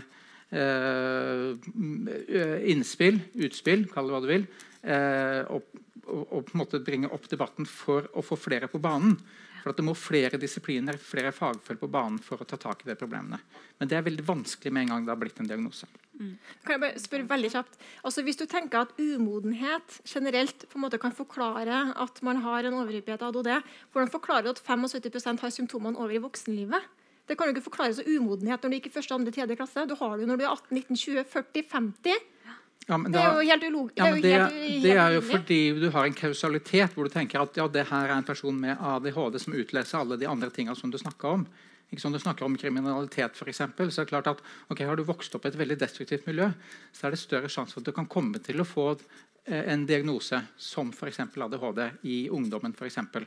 og så vil det da bare vedvare at du har blitt diagnostisert. og Hvis du tar det med i, i fengsler, og sånn, så er det ganske mange selvdiagnostiserte som tar i bruk marihuana den type ting for å dempe sin uro. Det er også forskning som, som peker på. så det, det, er et ganske sammensatt bilde. Men hvis du løser opp den der ikke er så veldig streng på den kausaliteten, så, så, så er det andre virkelighetsbilder som dreier fram. Og Det er det jeg prøver å, å få løfta fram, for at man kan se litt mer sammensatt på det her. Det høres ut som du mener at man lager seg noen vaner i skolen, primært kanskje i barndommen, som man liksom tar med seg over i voksenlivet, og at det er derfor vi ser, ser ADHD hos voksne? eller? Nei, ikke bare vaner, men det er relasjoner og måter å gjøre ting på. Praksiser. Og, altså, eh, altså, du kan si at de relasjonene du har, også som, eh, som læreren var inne på her, at de har mye å si. altså De vennskapene du har. og hvis du har en La oss si at du er veldig aktiv, litt utagerende. altså Noen er det, og det, det kan utløse diagnostikk. det trenger ikke, Men hvis du er veldig aktiv, utagerende, ok, så er sjansen større for at du, du, begynner å henge sammen med andre som er det. Mm. Jeg har sjøl vært der på barneskolen, aldri funnet nettverk. og sånn, Så kommer man inn i et sånn destruktivt eh, liksom system. Og det, i, i, verste fall så liksom kommer du ikke ut av det heller. Men du må ikke, du må, du må ikke blande atferdsvansker med ADHD. Fordi det du sier at Har du hatt noen atferdsvansker som barn, så, og du kommer i et dårlig miljø, så har du atferdsvansker som voksen. Men det er ikke det jeg snakker om. Du fyller kriteriene for ADHD. Det er de oppmerksomhetssviktsymptomene. Den rastløsheten som du har kronisk hele tida. Den er helt uavhengig av atferdsvanskene dine. For det er en tilstand som du har hele tida. Den er der. Du blir ikke kvitt den. Med mindre du har medisin som demper denne uroen. Og Støttetiltakene rundt er kjempeviktige. Men det er ingenting som fungerer så bra på akkurat ADHD-symptomene som medisin. Og det er det du, du blander det sammen. Du blander sammen atferdsproblematikk og ADHD. Syns jeg du lager dine egne siloer her. men det er altså... Ja. Vil du ikke kommentere noe ytterligere på Nei. det? Nei. Da var det spørsmål her nede. Nå tror jeg vi tar dette her. Eh, litt konkret spørsmål, og så tar vi ett til, og så skal dere få runde av. Ja. Nei, Spørsmålet mitt er litt uenig først i det med kasualitet. Fordi det er jo forska på. Det er hjerneaktivitet, det er kjemi, som kan løses med medisin. Så håper at Aksel at du ikke bor i din egen uh, rasjonalitet, jernbur, som uh, boka di heter. Men tror du at uh, politikk har, helsepolitikk har sammenheng med diagnostikk? At uh, det blir påvirket av hvilket politikk som settes i gang, siden det er offentlig finansiert helsevesen i Norge? Hva, hva, er dine tanker rundt det, siden du tok det eksempelet med Øst-Agder og Vest-Agder? Ja, nå vil jeg ikke si at uh, Det er litt sannsynlig at Øst-Agder og Vest-Agder har forskjellig helsepolitikk. Men hvis du ser på uh, de ulike nasjonale forskjellene på bruken av diagnosene, så er det klart at det er ulik, ulik politikk både innenfor helsevesenet og i skolesystemene. Så De nasjonale forskjellene, som både er kulturelle, men også politiske, de er helt, helt klare der. Så det er ikke noe tvil om. Når du snakker om det kjemiske, så er det klart at det er en, det er en mulig måte å forstå, forstå, det på. Eh, men det ganske, altså innen den forskningen er det ganske mye uenigheter. Du var inne på det med, med eh, forskjeller i størrelse på, på hjerne og ulike veksttakter. og sånn. Det er forskning som er ganske omdiskutert. Så, og, og, så det må man også ta, ta, høyde for. Og de oppsummeringene som er gjort også, eh, som ble beskrevet også i, i Tidsskriftet Norsk legeforening nå i januar, så, det, så, viser man at her er det veldig veldig problem med kunnskapsgrunnlaget. Også det som handler om de her, altså det kjemiske, eh, biologiske og det som er gjort med, med skanninger. og sånt, At det er veldig mange typer svakheter der. Så, så man skal være liksom forsiktig med å konkludere ut ifra, de studiene. Mm. Ja, da kjører vi det. Fint. Ja, hei. Jeg merker, eller jeg kjenner jeg blir frustrert, og jeg syns du neglisjerer oss med ADHD. Og ADD, det er sårende. Har jeg blitt riktig diagnos eller fått diagnosen som ung, som barn, så har livet mitt jeg, har, jeg vet ikke, Det er vanskelig å fortelle med ord, men da har jeg hatt et liv som har vært verdig og godt å leve takket være medisin i voksen, endelig voksen alder, så det, Jeg ruser ikke meg lenger. Jeg drikker ikke, jeg rører ikke alkohol. Jeg går ikke ut og inn av fengsel, f.eks. Jeg har et liv. Jeg har fått venner. Og hva har venner å si for alle menneskene? Eller hvert individ? Det er jo det som er livet sosialt eh, samvær med andre mennesker. Og det du nevner om du har snakka med barn som har fått et så forferdelig liv, høres det ut som. etter de ble medisinert at de følte Hva du nevnte ordet? Eh, kaste, ja, kjemisk eller gåsetegn. Kastrering. Kanskje vet du en ting? Jeg tror du bør sette deg mer på skolebenken og snakke med, med dem som har, har det i seg, ha, som har diagnosen og som har fått muligheten til å få et bedre liv. Ungene kommer jo endelig i takt med følelseslivet sitt når de blir medisinert. Før de gikk på medisin, så har de hatt det helt forferdelig innvendig. Og det skulle nå du ha visst, som er Ja. Jeg, jeg, jeg blir skremt, jeg. Ja, du må gjerne bli det. Ja, ja. Eh, Saken er at det er store variasjoner her. og det, Jeg setter pris på en personlig fortelling, og det er glimrende at du har fått hjelp av medisiner. Jeg beklager, jeg beklager jo selvfølgelig, jeg synes det er synd at du ikke har fått hjelp tidligere. Men det som jeg etterlyser, det er at ok, eh, de, de som, altså, hvis man sliter i, i skolen eller i sammenhenger, eller sosiale sammenhenger, ok, så er det et problem som man må løse også med medisiner. Gjerne det, men ikke bare det. Jeg skulle ønske at, hadde, at det var noe nettverk rundt deg og alle de andre som har eh, f.eks. problemer med sosiale relasjoner, som, som hjalp til. Altså, jeg, har, jeg har jo absolutt ikke noe mot at man får hjelp av medisiner. Det, det som jeg etterlyser, er at man utvider perspektivet litt. Og det, det, det, han- det handler ikke om din situasjon, for det kjenner jeg ikke. Men det handler om at man faktisk ser de her problemene og, og veksten og de ulike forskjellene både mellom nasjoner, mellom fylker og mellom de som er født sent og tidlig på året. At man ser at her er det noen fenomener som man må på en måte jobbe med bredere. Det handler ikke om jeg, jeg, For all Nei, men for all for all del. Jeg, jeg mistenkeliggjør ikke ditt problem i hele tatt. Det, det, nei, men, men 5% faktisk. Ja. Ja, ja, ja, ja, for all del. Men, kan, kan jeg bare få lov å si en ting? Ja, Eh, jeg, tror jo, altså, jeg tror jo at du Aksel Sjøra, i utgangspunktet er et grunnleggende sikkert et veldig godt menneske. Og jeg tror i Nei, utgangspunktet det skal at jeg ikke si på. Eh, at, du, at, du, at du vil helt sikkert noe godt. Fullstendig Eh, jeg, jeg tror jeg, jeg har i utgangspunkt, jeg har litt sånn, ønsker gjerne å ha tillit til folk og tro på folk. At folk ser det beste i folk. Men, men jeg tror i utgangspunktet at du vil noe godt. I utgangspunktet, kanskje, med noe av det du sier. Men det som jeg tror blir litt sånn feil og litt sånn, litt sånn skummelt, på en måte, er at når man bare ser på ADHD med et teoretisk perspektiv, og kanskje ikke har vært der og faktisk møtt alle de her pasientene som det er snakk om, møtt familiene og sett hva er det faktisk de strever med, de er bredt utredt. Vi sjekker alle de her faktorene på de her, eh, og vi ser hva de strever med. Og vi ser også hva medisin hos mange, ikke alle, ikke alle skal ha medisin, men hos mange så gjør det faktisk at livet blir utrolig mye bedre. De fungerer bedre, eh, får utnytta de ressursene de har, og på en måte får en mulighet for et godt liv. Eh, og så er det andre som eh, kan ha bivirkninger og ikke tåle medisin, og som må ha an annen eh, medisin. Men det som er veldig, veldig skummelt, synes jeg, er at når man går rundt med en professortittel eh, og på et på en måte, teoretisk grunnlag på en måte går sterkt ut i media og snakker sånn skråsikkert om ting som altså Man har ikke møtt de her familiene engang. Og det er klart at Når du som en fagperson og professor på en måte kommer ut og sier sånne ting, så vil du, eh, dine ord få eh, veldig stor tyngde. Og jeg tenker Det er ganske viktig å si ikke kall det ADHD. Det du gjør, si ikke si at du har ADHD. Hva gjør du da? Du stigmatiserer alle dem som har vansker, store vansker med konsentrasjon, impulsivitet og hyperaktivitet. Så sier du ADHD skal vi ikke snakke om. Det er ikke noe som er, det er ikke bra. Og hva skjer Det da? Det betyr at de som faktisk har de her vanskene og som trenger behandling, kanskje kvier seg for å komme i behandling. For å si at nei, det, ja, ADHD det er kanskje ikke noe ordentlig. Det, det er kanskje noen ting som handler om at nei, det er bare lærerne som er dårlige, eller systemet rundt, eller dårlige foreldre. Forskninga viser ikke det. Jeg sier ikke at ADHD ikke eksisterer. Jeg sier at man skal være forsiktig med å si at man har ADHD. Og Det handler om det som jeg starter med, med kausaliteten. Hva er det som virker? Hva? Blir, du, blir du dårlig konsentrert ved at du har ADHD, eller er det sånn at du blir diagnostisert fordi at du sliter på skolen med konsentrasjon og uro? Og Den, den, er, den er superviktig. Den, den, Men det samme som å si at Jeg skal ikke si at jeg har en spiseforstyrrelse, jeg skal ikke si at jeg har en depresjon, jeg skal ikke si at jeg har en bipolar lidelse. Hva er forskjellen? men det, det, er, det, altså, det er ikke en spiseforstyrrelse som gjør at du ikke greier å spise. Det er det at du sliter med et eller annet matproblem, at du overspiser eller, ikke, eller at du, du, spa, altså, du, du lar deg spise. Det er det som gjør at du blir diagnostisert med en spiseforstyrrelse. har du oppmerksomhetsvansker, uro. Det heter ADHD. Men det er ikke en unnskyldning for dårlig atferd.